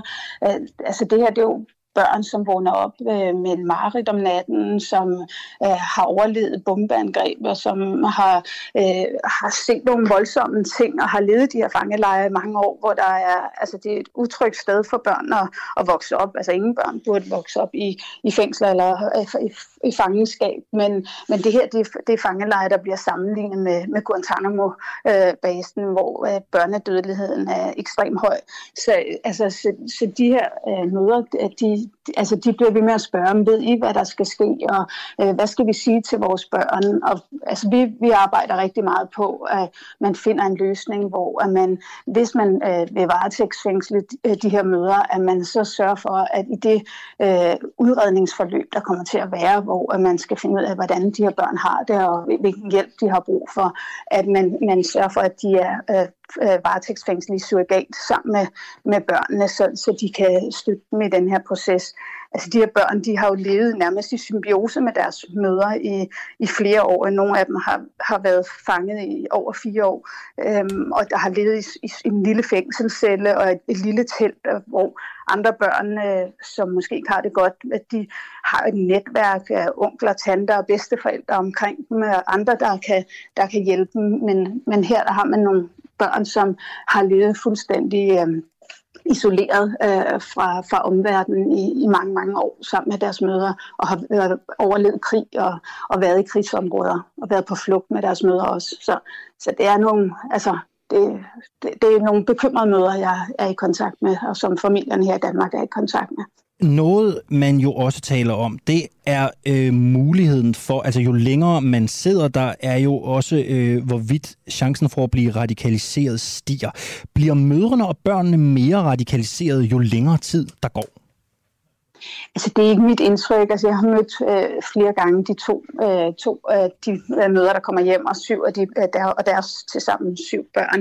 Øh, og altså, de gange, jeg har mødt dem, altså det her, de er helt almindelige øh, søde børn, der øh, ja, laver tegninger med huse og træer og hjerter, og øh, som øh, sidder og, og græder og fortæller, at de bare gerne vil hjem, og, og, og de større børn, som kan huske Danmark, vil hjem til deres gamle klassekammerater og være sammen med deres fætter og kusiner, kunne gå en tur i skoven med dem. Og, altså det er det, det, de taler om. Jeg har ikke, jeg har ikke oplevet, at hverken øh, møderne eller øh, de øh, børnene er kommet med nogle øh, altså radikale udmeldinger. De virker altså på den måde øh, meget almindelige og, og søde. Men selvfølgelig er der en risiko for, hvis man lader dem blive i, i overvis. Altså der er jo stadig meget ekstreme kvinder i de her fangelejre, som udøver social kontrol over for, for de andre kvinder, over for de andre børn, og som øh, har deres egen øh, hvad hedder sådan noget, øh, lille mini-IS-kalifat. Det er mest i alkoholfangelejren, de her danske kvinder, der kommer hjem nu. Øh, to af dem sidder i den gamle Alros fangelejr, øh, hvor, øh, som er kendt for at være mindre ekstrem end, end alkoholfangelejren. Børn og mødrene de sidder øh, stadigvæk i øh, Syrien, mens øh, der jo givetvis er forhandlinger i kulissen øh, politisk i forhold til, hvornår de kan komme hjem. Hvad tænker du om den hastighed, regeringen, de danske politikere har lagt for dagen i den her sag? Altså jeg mener jo, at de her øh, kvinder og børn, de skulle have været hjemme for mange, mange år siden. Altså der, øh, jeg synes, det er jamen, helt vanvittigt, at man ikke har taget øh, danske børn ud af, af fangelejre. Øh, et af de værste steder i verden. Øh, hvad hedder det? Så, så man kan sige, at øh, altså, en dag er en dag for meget, at de her børn sidder i de her farfulde øh, fangelejre. Hvornår tror du, de kommer hjem? Jeg håber, de kommer hjem meget, meget snart. Altså, det er helt klart. Natasha Reh, du stifter og talsmand for Repatriate the Children Danmark. Tak skal du have, fordi du var med øh, her øh, til morgen. Selv tak. Og øh, Udenrigsministeriet de har sendt en øh, udtalelse til øh, den uafhængige angående børnene og mødrene i Syrien, og der står følgende. Udenrigsministeriet er øh, pt. i dialog med den øh, kurdisk dominerede lokaladministration om den nærmere timing af en evakuering. I sager som disse ønsker lokaladministrationen blandt andet at vurdere, om man fra kurdisk side selv har grundlag for at retsforfølge børnenes mødre lokalt. Udenrigsministeriet de vil ikke gå yderligere i detaljer på grund af sikkerhedsmæssige øh, hensyn, og Natasha Reh, hun deltager altså i møder med Udenrigsministeriet om øh, evakueringen, skal jeg så også sige. Her hvor klokken den er øh, 10 minutter i øh, 9, og nu skal vi øh, sætte fokus på øh, en øh, historie af øh, de mere øh, spændende. Der bliver skrevet, der bliver sagt rigtig meget om forholdene i øh, forsvaret øh, lige nu. Øh, BT øh, har øh, også været øh, bannerfører og har øh, publiceret en ganske interessant øh, historie. Rubrikken på den historie lyder sådan her. Ekspert ikke i tvivl. Ministers lift af hjemmeværnet er ulovligt. Og ifølge BT så har forsvarsminister Trine Bremsen brudt loven, da hun fik et af marinehjemmeværnets fartøjer til at sejle hende til et partipolitisk møde på Ærø. Øh, en af folkene øh, bag øh, historien, det er dig, Peter Astrup. Godmorgen. Godmorgen. Du er journalist på BT. Kan du ikke prøve at forklare historien for os, for dem, der ikke måtte have hørt den? Jo, altså helt basalt, den historie, vi har skrevet, den handler om, at øh, forsvarsminister Trine Bramsen, hun skulle jo en tur til Ærø der søndag den 15. august, da hele Kabul øh, var ved at vælte sammen om ørerne på sig selv. Og så, øh, så var hun på sit hus på Turø, og så tog hun lige, lige ved siden af der, der ligger Svendborg Havn, og så tog hun simpelthen et øh, marine hjemmeværnsfartøj til Ærø, så hun kunne øh, besøge sine partifælder og blandt andet borgmesteren over på Ærø og deltage i kommunalvalgkamp og den slags. Og det må man altså ikke. Øh, I hvert fald ikke ifølge Sten Bønsing, som er professor i forvaltningsret, som vi talte med i går. Hvad var det, for... det den historie, vi skrev. Ja, hvad var det for et fartøj, der sejlede hen til Ærø? Det var sådan et marine hjemmeværnsfartøj, øh, der hedder MVH 810 Luna. Og det er sådan en, øh, jeg tror, vi har benævnt det som en kutter på et tidspunkt, øh, og det er sådan set også rigtigt om, det er sådan et meget stor fiskekutter-agtig ting. Sådan en klassisk grå en, der som man tit ser i, i danske havne, hvis man, hvis man kommer på de kanter. Øh, så det er jo ikke sådan en kæmpe krigsskib, men det er alligevel marinehjemmeværnsfartøj med 12 besætningsmedlemmer. Det er, jo en, det, er jo, det er jo fandme en god historie. Altså, det er der ingen tvivl om. Det er en, det er en god historie, jeg har begået her. Hvordan er I kommet på færden af den? Hvordan har I kunne begå den? Jamen altså, det hele startede jo lidt med, at øh, Kabul faldt for godt 14 dage siden. Ikke? Og øh, i den forbindelse, så kunne man jo se på de sociale medier, at Trine Bramsen fredag aften havde været til koncert, og vi afslørede også senere, at hun havde været til, på besøg i en golfklub og spise frokost og den slags. Og så har hun også været på partimøde på, på Ærø der øh, søndag formiddag. Altså og søndag formiddag, der var det hele jo ved at, at ramle, og det stod klart for, for regeringen, at at både regeringen og også forsvaret kom til at spille en rolle i en historisk evakueringsoperation øh, af, af masser, masser af danske ambassadeansatte og de tolke, som vi har lovet at hjælpe osv. Altså jeg blev selv kaldt på arbejde søndag formiddag der, fordi at vores øh, indchef den dag, dagchefen, han mente, at det var en historisk begivenhed, som vi var nødt til at være meget talstærke på. Men ministeren var altså på kommunalvalgkamp på Ærø, og det var mange, der kritiserede. Og så har vi øh, bare begyndt at grave i det og undersøge os lidt, eller interessere os lidt for, hvorfor det, hun ikke selv greb overtøjet og tog på arbejde i Forsvarsministeriet. Hun var den øverste ansvarlig for den evakueringsoperation. Og så fandt vi så ud af det, at hun øh, under sit besøg nede på Ærø havde simpelthen brugt en af marinehjemmeværns artøjerne som en slags vandtaxa, kan man kalde det. Ja, hvordan, altså, hvordan kom I på, altså det, jeg er bare nysgerrig, hvordan kom I på færden af det her fartøj? Hvordan fik I det opsnappet? Det, det er jo godt set. Ja, men det, det kommer så af, at, øh, at vi simpelthen søgte agtindsigt i alt, hvad hun havde lavet, og hvad hendes program var. Og vi kunne se på hjemmesiden, at, øh, at øh, den lokale forening nede, altså Socialdemokraterne nede på Ærø, de var meget glade for, at forsvarsministeren kom på besøg, så de har taget en masse billeder der, hvor hun stod nede på havnen og, viste, og blev vist lidt frem og stod ved siden af deres campingvogn, en helt rød campingvogn, de har, sådan de bruger til kampagne, der hedder Røde Grete. Og så tænkte vi, det der er alligevel lidt sjovt, altså hvad har hun lavet? Så vi søger agtindsigt i alle de der ting, og så bemærker vi så, at hun er hun øh, blandt andet også på et tidspunkt jo har sagt, at hun var dernede at besøge, fordi hun var forsvarsminister, var nede at besøge hjemværn, marinhjemværn. Og det må man jo også gerne, men så viste det sig så senere, at besøget alene dækket over, at hun øh, simpelthen brugte sådan en båd der som en vandtaxa for at komme frem og tilbage til Ærø. Og det må man altså ikke. Altså, så vidt jeg er orienteret, så er der jo også en, en færgefart til Ærø. Der er jo en helt almindelig færgefart, som, øh, som der almindelig dødelige kan tage jeg tror, jeg, jeg har aldrig været der selv, men jeg tror, der er mere end en. Men det er rigtigt, man kan sagtens komme over på anden vis. Øh, og, og vores første historie i sagen, det var jo, at, at øh, eller vi har selvfølgelig lavet mange historier, men altså en af dem, der ledte op til den, vi så lavede i går, hvor Sten Bønsing siger, det er ulovligt, det er jo, at hun også har talt usandt eller vildledende i hvert fald om, at hun sagde, at hun var dernede alene på grund af, at hun skulle besøge Marienhjemværende. Men der viser sig jo altså i vores papirer, at hun har skulle besøge Ærø og partiforeningen nede på Ærø, og så har hun så bagefter fundet ud af, at hvis man skal til og fra der, så er det smart, hvis man besøger marinehjemværnet med en lille bådtur. Og det er det, som Sten Bønsing siger ulovligt. Man må ikke bare opfinde et eller andet forsøg til lejligheden og så sige, at jeg har også lyst til at besøge et marinehjemværnsfartøj, som tilfældigvis falder sammen med, at jeg skal til partimøde på Ærø. Det kan man altså ikke. Det åbner for for meget korruption og, og misbrug af, af forsvarets ressourcer. Det, øh, jeg ved ikke, hvordan du har det som journalist, men, men der er meget... Øh, altså, jeg er sgu ikke misundelig på dem, der sidder inde i Forsvarsministeriets prestjeneste lige nu. Jeg, jeg tænker, der, der, der, er sgu, øh, der er sgu ild på, ikke? Der sker en masse ting. Hvad siger forsvarsministeren og ministeriet? Fordi dem har I jo også forsøgt at få fat... Altså, hvad siger de til den her historie? Hvis I har kommet Jamen, igennem? Øh, ja, man kan jo sagtens komme igennem til pressetjenesten, øh, og jeg synes også, at vi holder en meget god kommunikation. Det er trods alt professionelle mennesker, der sidder derinde. De er jo ikke ansvarlige for, hvad ministeren laver. Men de får besked på at sende et svar ud. Og hvis jeg skal være helt ærlig, så, så har jeg en lille smule svært ved at forstå det, øh, det svar, som, øh, som øh, Forsvarsministeriet sender ud. De sender et eller andet ud om, at... Har, har du svaret de, i nærheden? Jamen, jeg har nu ikke set noget. Vil du, vil du, vil du læse det op for os? Det kunne vi da sgu da godt tænke os at høre. Ja, men det, det er også sendt ud til mange andre. Her opdateret linje for os. Forsvarsministeriet oplyser.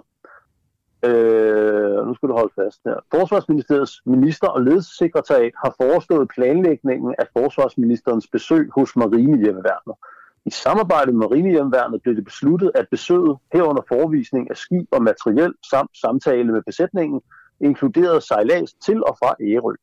Det bemærkes i øvrigt, at forsvarsministeren ikke er en del af planlægningen af besøg, den foretages af ministersekretariatet.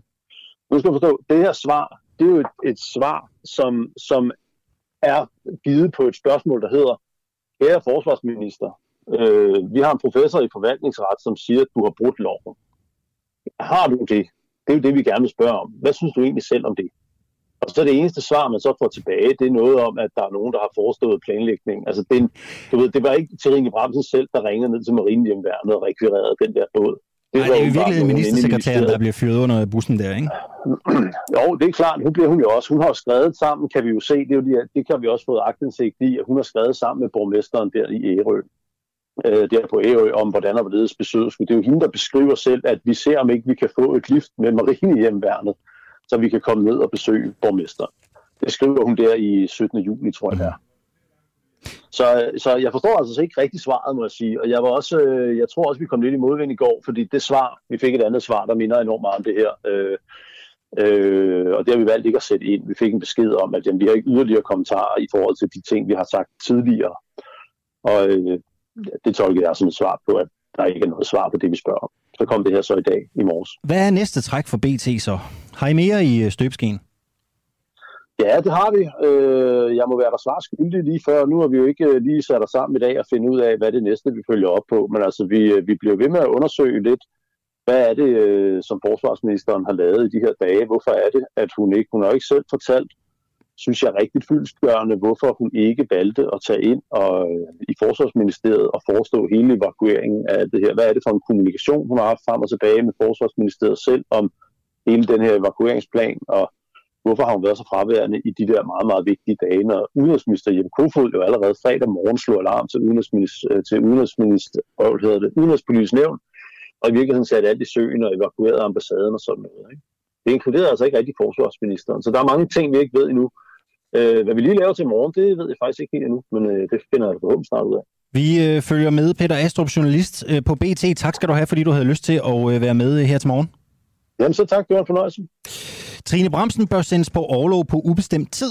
Det er ikke mig, der siger det. Det er René Bigum, der har skrevet ind til os øh, på Facebook. Tak til alle jer, der har øh, budt ind. Der har været godt gang i øh, debatten i dag. Også en sms fra Annette Bak Mikkelsen, som skriver vedrørende det interview, jeg lavede med Jesdorf Petersen for små tre kvarter siden. Hun siger, hvis han mener, at han er blevet usagligt afskediget og uretfærdigt behandlet af TV2, hvorfor anmelder han dem så ikke, skriver Annette Bak Mikkelsen.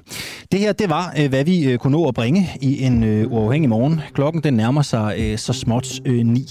Jeg har ikke så meget andet tilbage at sige en øh, tak til øh, redaktionen. I redaktionen i dag sad Øjsen Shapiro og Peter Marstal. Det er Peter Svarts øh, Nielsen, der har redigeret øh, udsendelsen i dag. Jeg øh, hedder Alexander Vils Norensen, og som altid så har det været en udsøgt fornøjelse at være to timer i jeres øh, ører og i jeres øjne, hvis I har siddet og kigget med. Og jeg er tilbage igen i morgen, når klokken den bliver øh, syv. Støt os, hvis du har øh, råd og øh, tid. Dua.dk, derinde der kan du læse, øh, hvordan du øh, støtter os med 39 kroner om måneden. Jeg glæder mig til at tage imod jer igen i morgen tidlig. Vi lyttes. Hola.